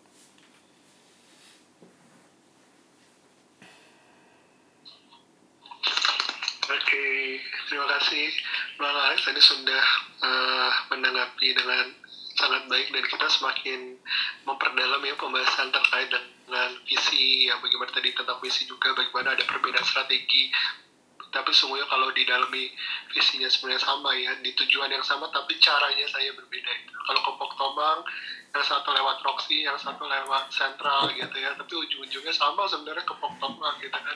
Nah itu dari kita sudah di di apa ya semakin diperkuat lagi gitu ya mengenai hal tersebut. Nah untuk uh, sesi berikutnya masih dibuka diskusinya dan juga saya mau izin karena tadi kita mulai jam 7 lewat 20 saya juga uh, memohon izin untuk kita bisa mengakhiri sekitar 9.20 ya. Gitu karena sesuai dengan waktunya kan kita targetkan dua jam seperti itu ya. Jadi mohon izin kepada bapak ibu dan saudara-saudara sekalian. Oke untuk uh, diskusi selanjutnya dibuka uh, ruang untuk boleh menyampaikan pertanyaan.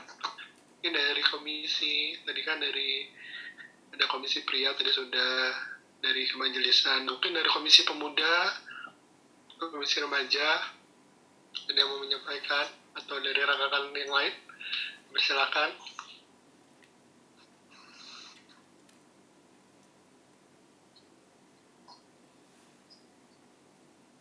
kalau dari komisi pemuda sepertinya belum ada sih kak.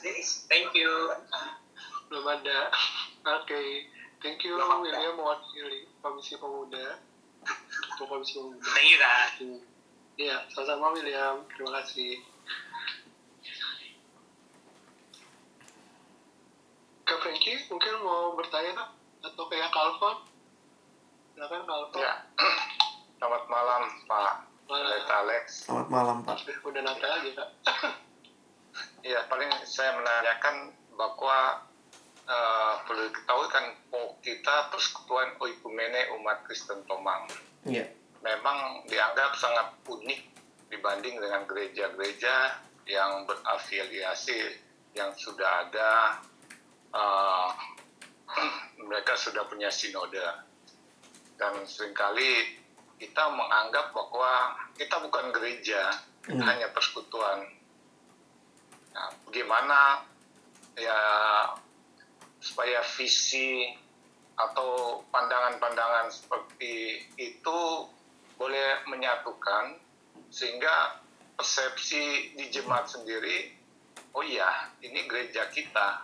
Nah karena sekarang kan banyak persepsi saya sendiri karena kita udah di kemajesan tahu kalau kita di kemajesan juga ada perbedaan-perbedaan bukan kita bukan gereja kita hanya persekutuan. Nah, sehingga udah nah, kita kan ada gereja asal tapi ada juga yang tidak punya gereja asal yang semenjak kita ada POK, mereka selalu bergabung di POK.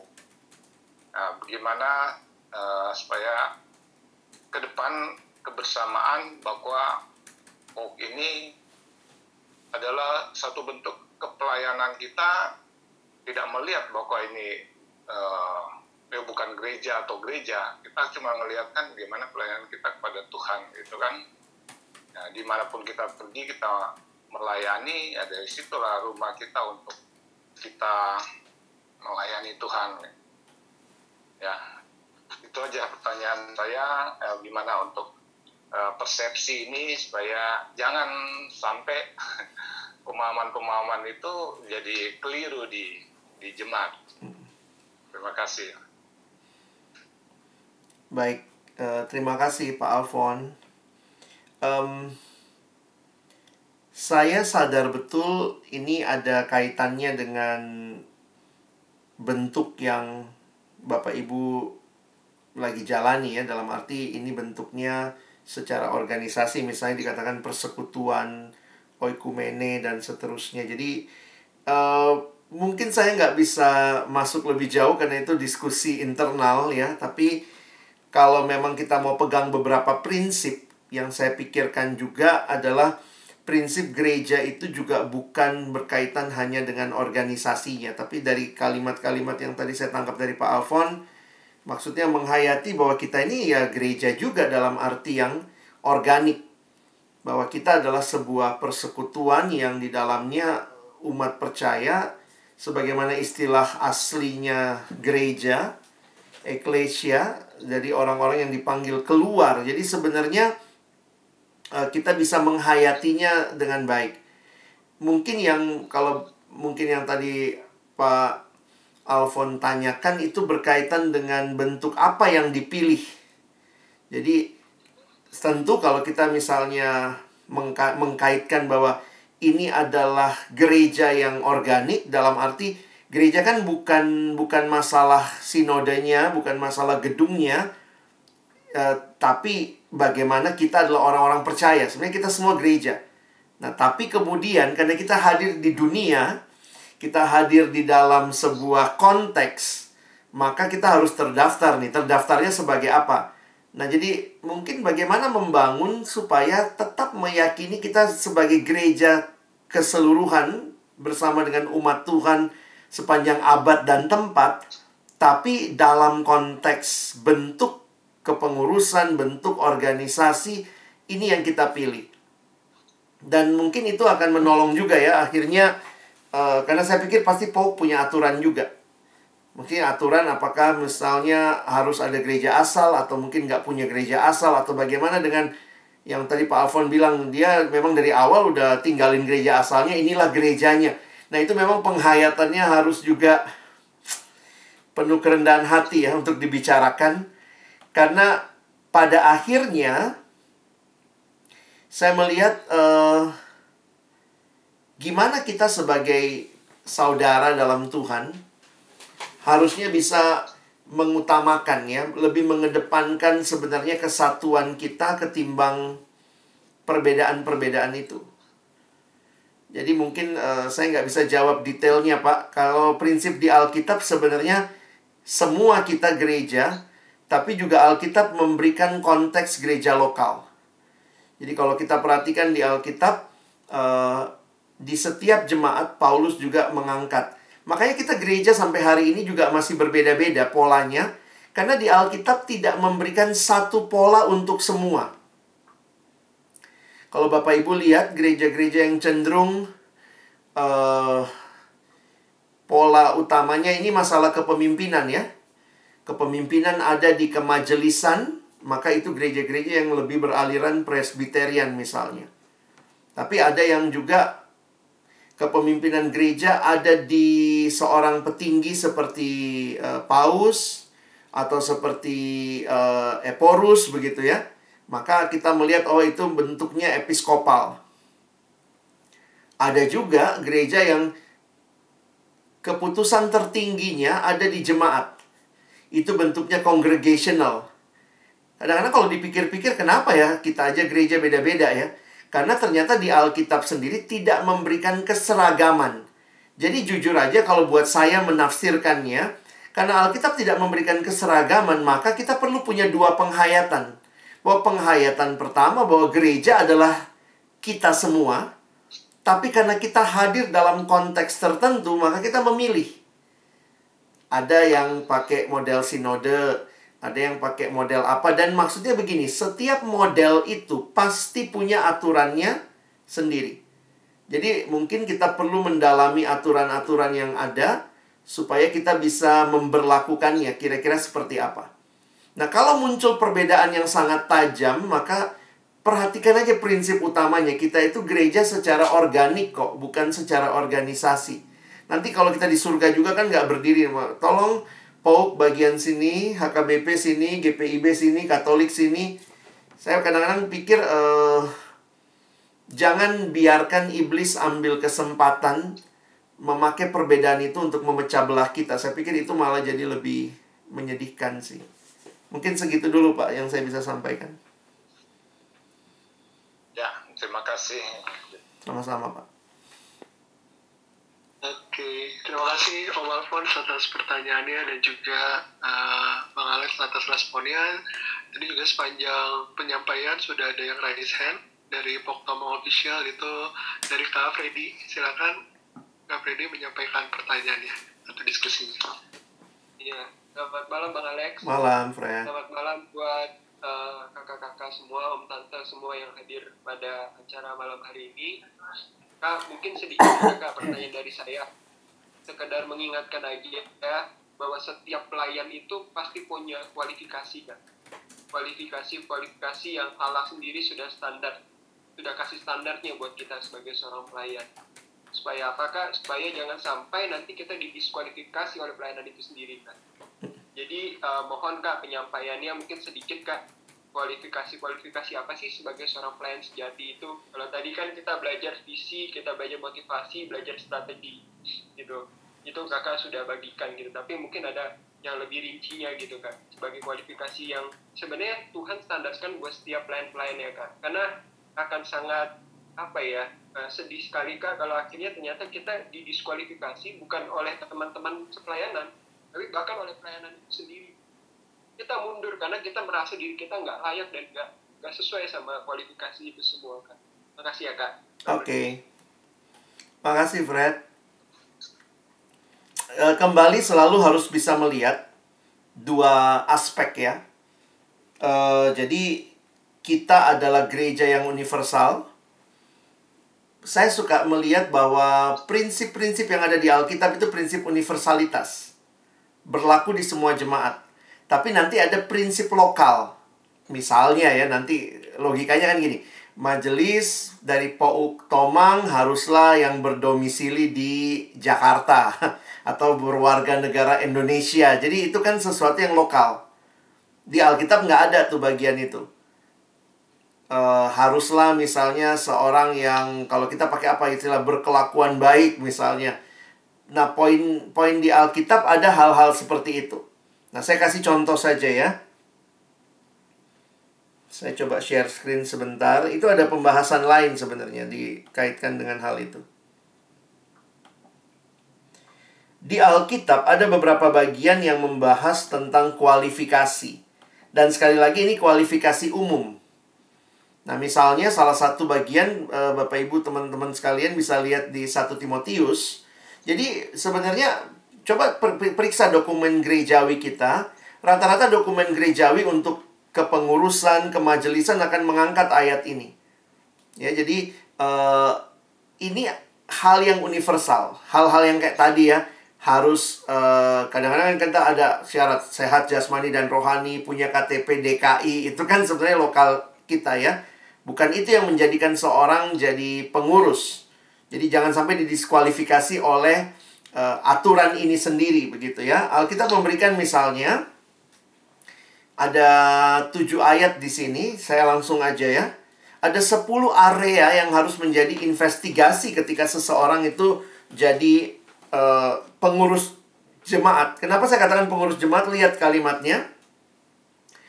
Orang yang menghendaki jabatan penilik jemaat menginginkan pekerjaan yang indah. Lalu kemudian Paulus masuk. Karena itu, penilik jemaat haruslah dia mulai orang yang tidak bercacat. Jadi dari bagian ini seorang bernama uh, John Stott memberikan 10 hal. Yang pertama his fidelity in marriage. Jadi kesetiaan dalam pernikahan. Makanya ditulis tuh tak bercacat suami dari satu istri. Nah, tak bercacat di sini sebenarnya secara moral ya. Makanya juga saya pikir uh, ini yang biasanya kita terapkan juga dalam aturan pemilihan dalam dokumen gerejawi biasanya mengacu ke sini. Lalu bagaimana pengendalian dirinya, his self mastery. Dapat menahan diri, bijaksana, sopan. Jadi it's more about character, ya. Sementara kan nggak dikasih tahu tinggi minimal segini. Itu kalau mungkin mau jadi guru sekarang katanya ada tuh batasnya kan ya. Kalau jadi guru nggak boleh terlalu pendek nanti malah dibodoh-bodohin murid gitu. Tapi kita nggak ngelihat itu dalam dalam bagian ini his hospitality. Jadi keramah tamahannya dia di masa Paulus suka memberi tumpangan itu jadi karakter. Bingung juga kita mungkin ya. Kenapa ya syarat majelis atau syarat penilik jemaat suka memberi tumpangan? Maksudnya apa? Nah di masa Paulus uh, nggak ada hotel, ada penginapan-penginapan tapi juga biasa aja gitu ya. Jadi poinnya adalah nggak ada penginapan yang layak. Jadi bayangkan kalau orang pergi ke daerah lain, maka gimana tuh? Dia akan tinggal di mana? Dia sangat bergantung kepada tumpangan dari orang lain. Nah, sehingga memberi tumpangan ini dikaitkan dengan ketika ada orang yang memberitakan Injil ke daerahmu, apakah kamu memberi tumpangan untuk orang itu? Nah, memberi tumpangan berarti mendukung penginjilan yang dia sedang lakukan dengan berpindah dari satu kota ke kota yang lain. Nah, jadi ini bisa kita terapkan ya nanti ke keseharian kita. His hospitality suka memberi tumpangan, lalu kemampuan mengajar. Makanya kan kayak majelis gitu ya, khususnya majelis kayak dilatih berkhotbah gitu ya. Karena sebenarnya diharapkan cakap mengajar. Lalu eh, masalah kebiasaan minum, bukan peminum. Masalah temperamennya, bukan pemarah, melainkan peramah, pendamai. Lalu masalah sikap terhadap uang, bukan hamba uang.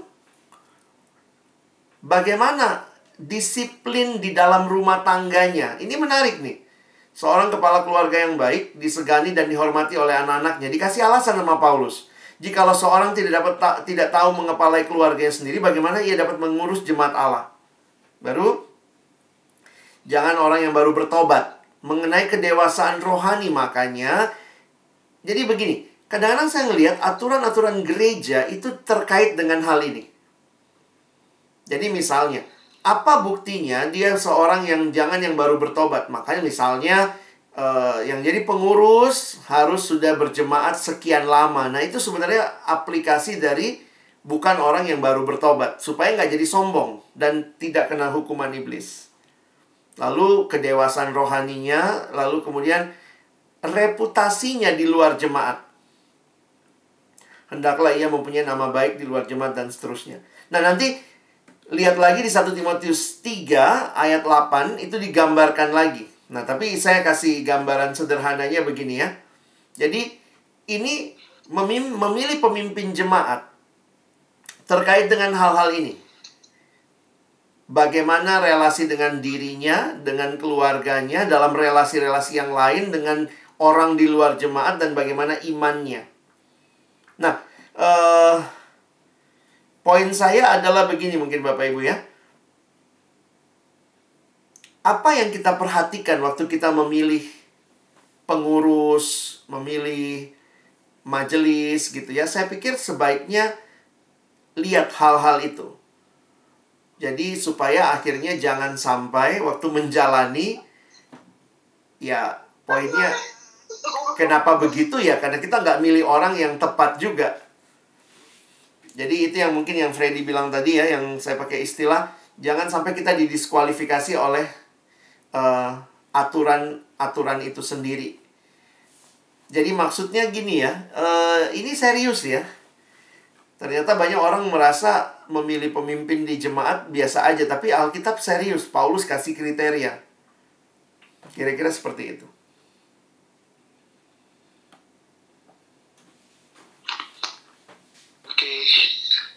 Kasih Bang Alex untuk respon dari pertanyaan Kak Freddy. Untuk eh, rekan-rekan yang lain, Bapak Ibu saudara-saudari yang lain, dipersilakan kita masih punya waktu untuk menyampaikan pertanyaan. Silakan. Saya sedikit Iya. aja. Ya, ya, silakan. Tante. Halo, selamat malam Pak Pak Alex. Selamat malam, Bu. Saya saya Bu Vera dari Iya. komisi terkecil, komisi anak Iya, Bu. yang paling kecil. Oke, Pak. eh, karena saya komisi yang terkecil dan ini karena saya pengalaman dari mengajar ke apa di sekolah, saya guru TK. Iya. Nah, eh, kalau menurut pemikiran saya begini Pak, kalau anak-anak adalah aset gereja. Jadi kalau di sekolah minggu, ini menurut saya nih Pak, Iya. anak-anak adalah aset gereja untuk masa kini dan gereja masa depan. Nah, masalahnya kebanyakan gereja menempatkan pelayanan sekolah minggu sebagai pelengkap. Jadi masalahnya kebanyakan Mm-mm. gereja menempatkan pelayanan sekolah minggu sebagai pelengkap. Mungkin karena kecil kali Pak ya. Betul. Nah, eh, padahal eh, padahal kalau menurut saya sekolah minggu merupakan cikal bakal eh, semua jemaat di masa depan. Iya. Nah, eh, pertanyaannya bagaimana caranya agar paradigma seperti yang saya katakan di atas bahwa menempatkan pelayanan sekolah minggu sebagai pelengkap itu dirubah karena itu kami merasa saya merasa bahwa eh, sekolah minggu itu adalah aset gereja masa kini dan masa yang akan datang masa depan gereja itu terletak dari eh, eh, kayak kita menanam pastikan dari akarnya dulu pak. Pohon itu akan bertumbuh. Kalau dia punya akar udah kuat dia akan tumbuh batangnya menjadi kuat. Kalau akarnya tidak kuat eh, tidak eh, pegang di tanah eh, akan goyah. Apakah seperti itu atau bagaimana? Yang ingin saya tanyakan bagaimana caranya agar paradigma eh, kita eh, supaya eh, tidak seperti menempatkan pelayanan sekolah minggu itu sebagai pelengkap itu pak dari saya terima kasih Baik, Bu. Terima kasih. Wah, ini pertanyaan penting ini.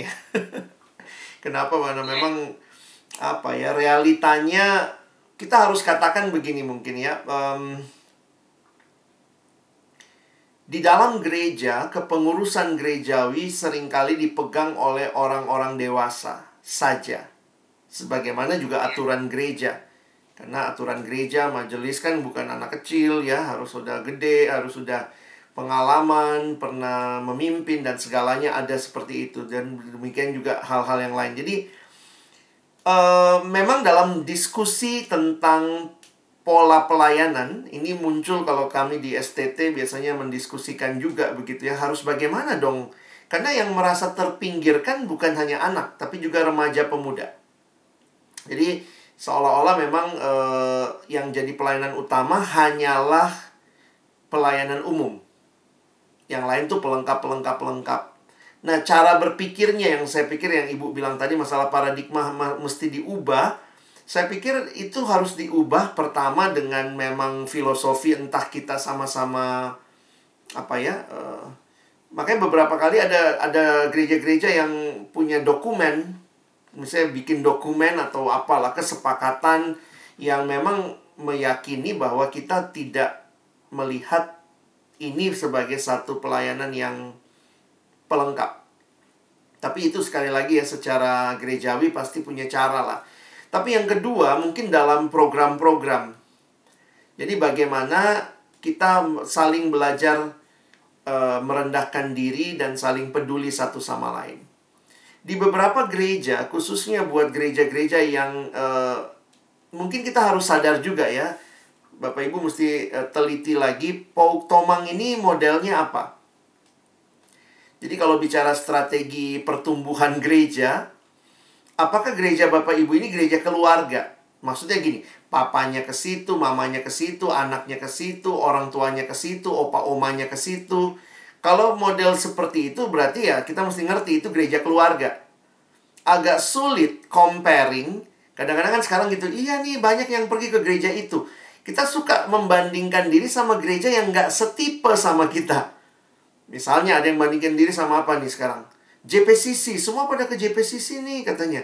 Tapi yang ke JPCC itu kan sebenarnya anak muda. Mungkin papa mamanya nggak ke situ.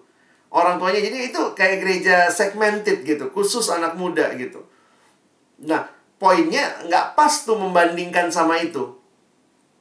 Nah, jadi poin saya menjelaskan ini adalah cobalah kalau memang model gereja Bapak Ibu adalah lebih keluarga, maka buatlah juga acara yang lebih bersama. Misalnya tiga bulan sekali, kebaktian semuanya.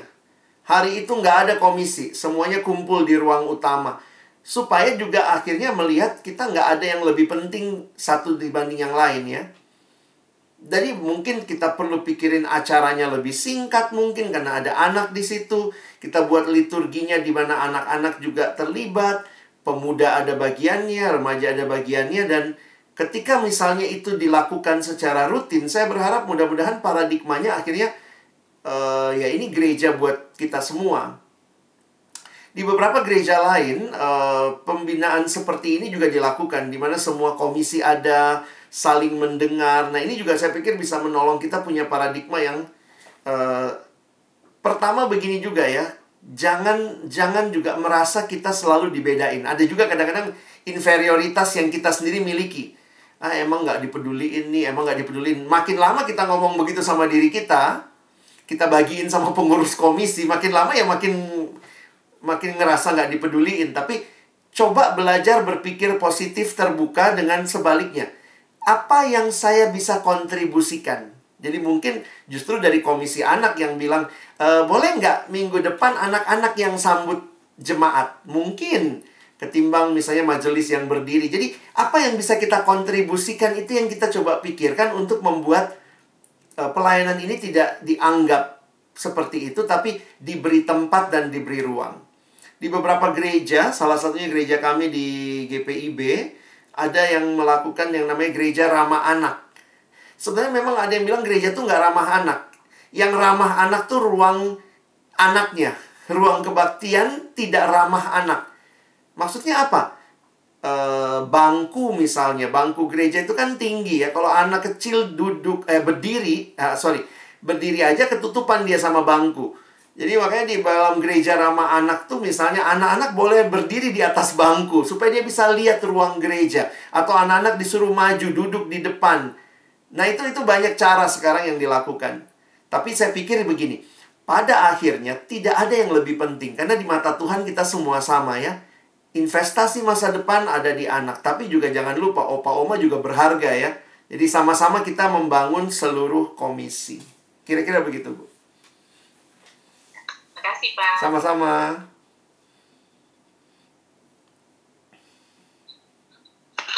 Oke, terima kasih Tante Vera buat uh, pertanyaannya dan tanggapan tadi dari Bang Alex. Ini kita semakin apa semakin seru nih diskusinya semakin hangat karena mempertajam dan memperdalam dari tajuk kita malam ini terus teman-teman yang lain bapak ibu uh, saudara-saudari kita masih punya waktu gitu ya saya akan coba buka uh, satu sampai dua pertanyaan ya untuk sesi yang terakhir ini sebelum nanti kita akan tutup dengan pujian penutup dan doa dipersilakan bagi bapak ibu yang masih uh, punya kerinduan untuk bertanya atau berdiskusikan terkait dengan topik kita malam hari ini. Mungkin dari yang belum uh, menyampaikan pertanyaan, ada Om Dadi, ada Pak Didi, Frankie, ada Kauki, atau Okta. Selamat malam, Kak Budi. Eh, selamat malam. Selamat malam, Om. Om Didi, silakan Om. Ya, eh, Pak Pendeta Nanlohi, selamat malam Pak. Selamat malam, Pak.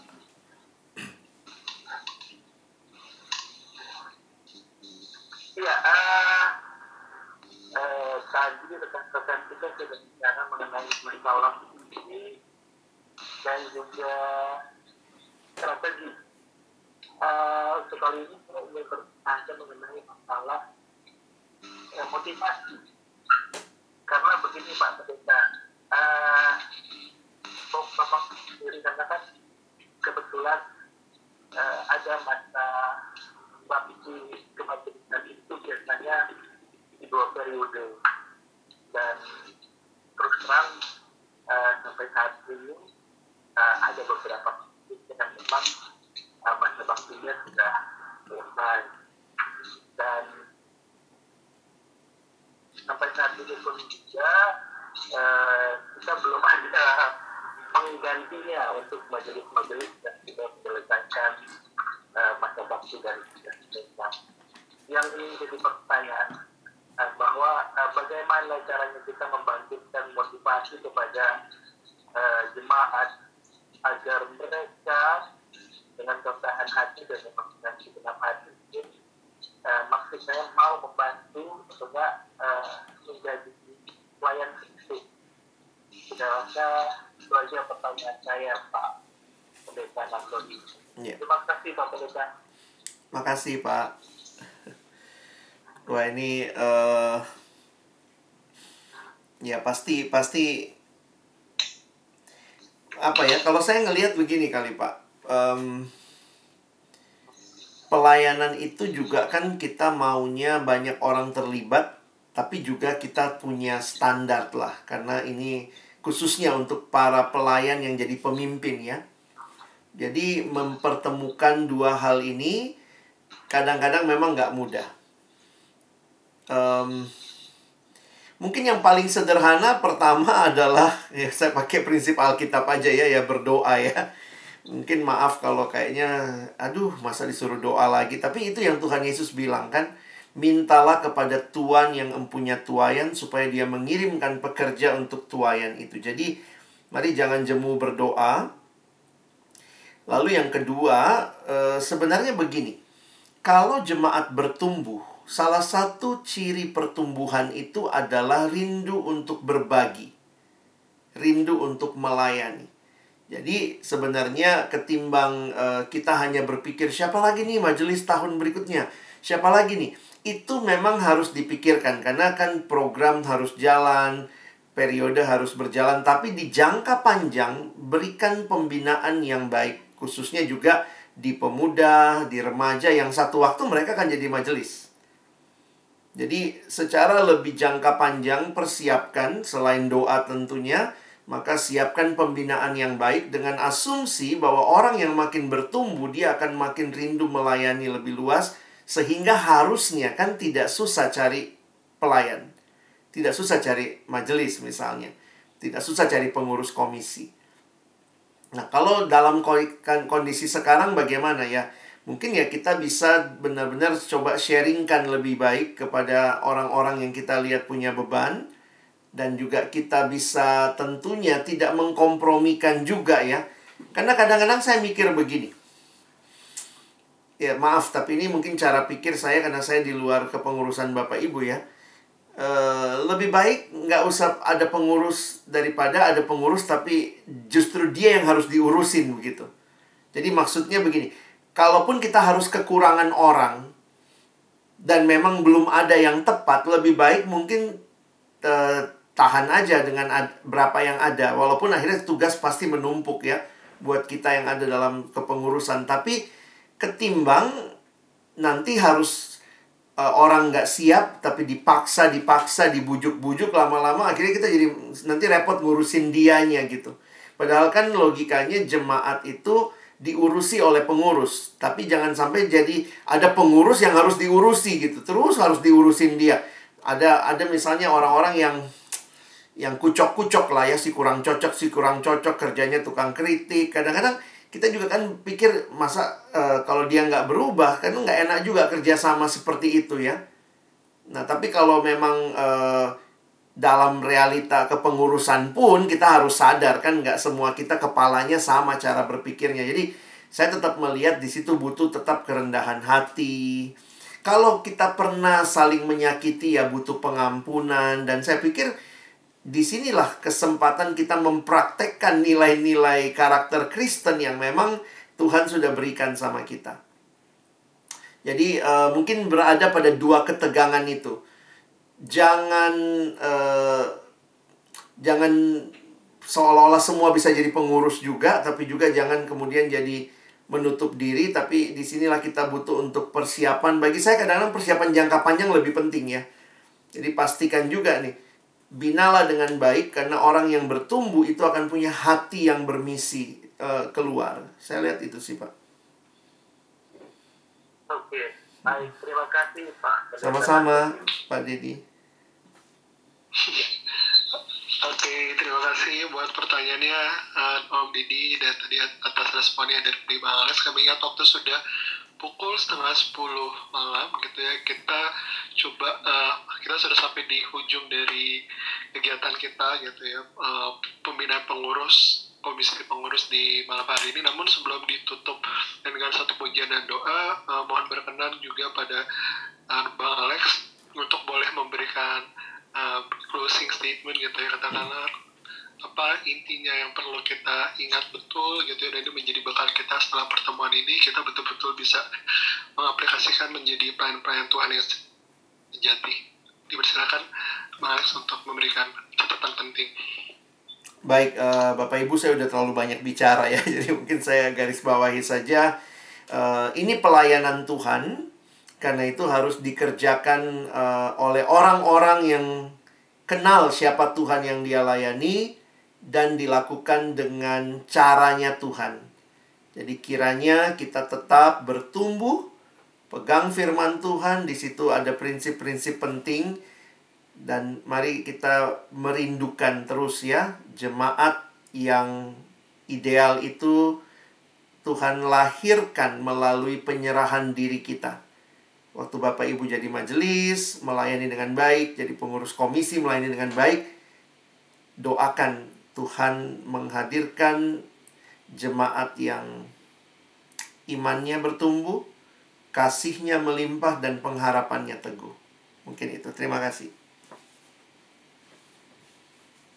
Oke, terima kasih Bang untuk uh, catatan penting ya bagi kita semua dan tadi kita akan menutup dengan satu pujian kemudian doa dan saya minta uh, setelah itu Bapak Ibu tetap di ruangan sebentar karena kita akan foto bersama untuk dokumentasi ya Bapak Ibu.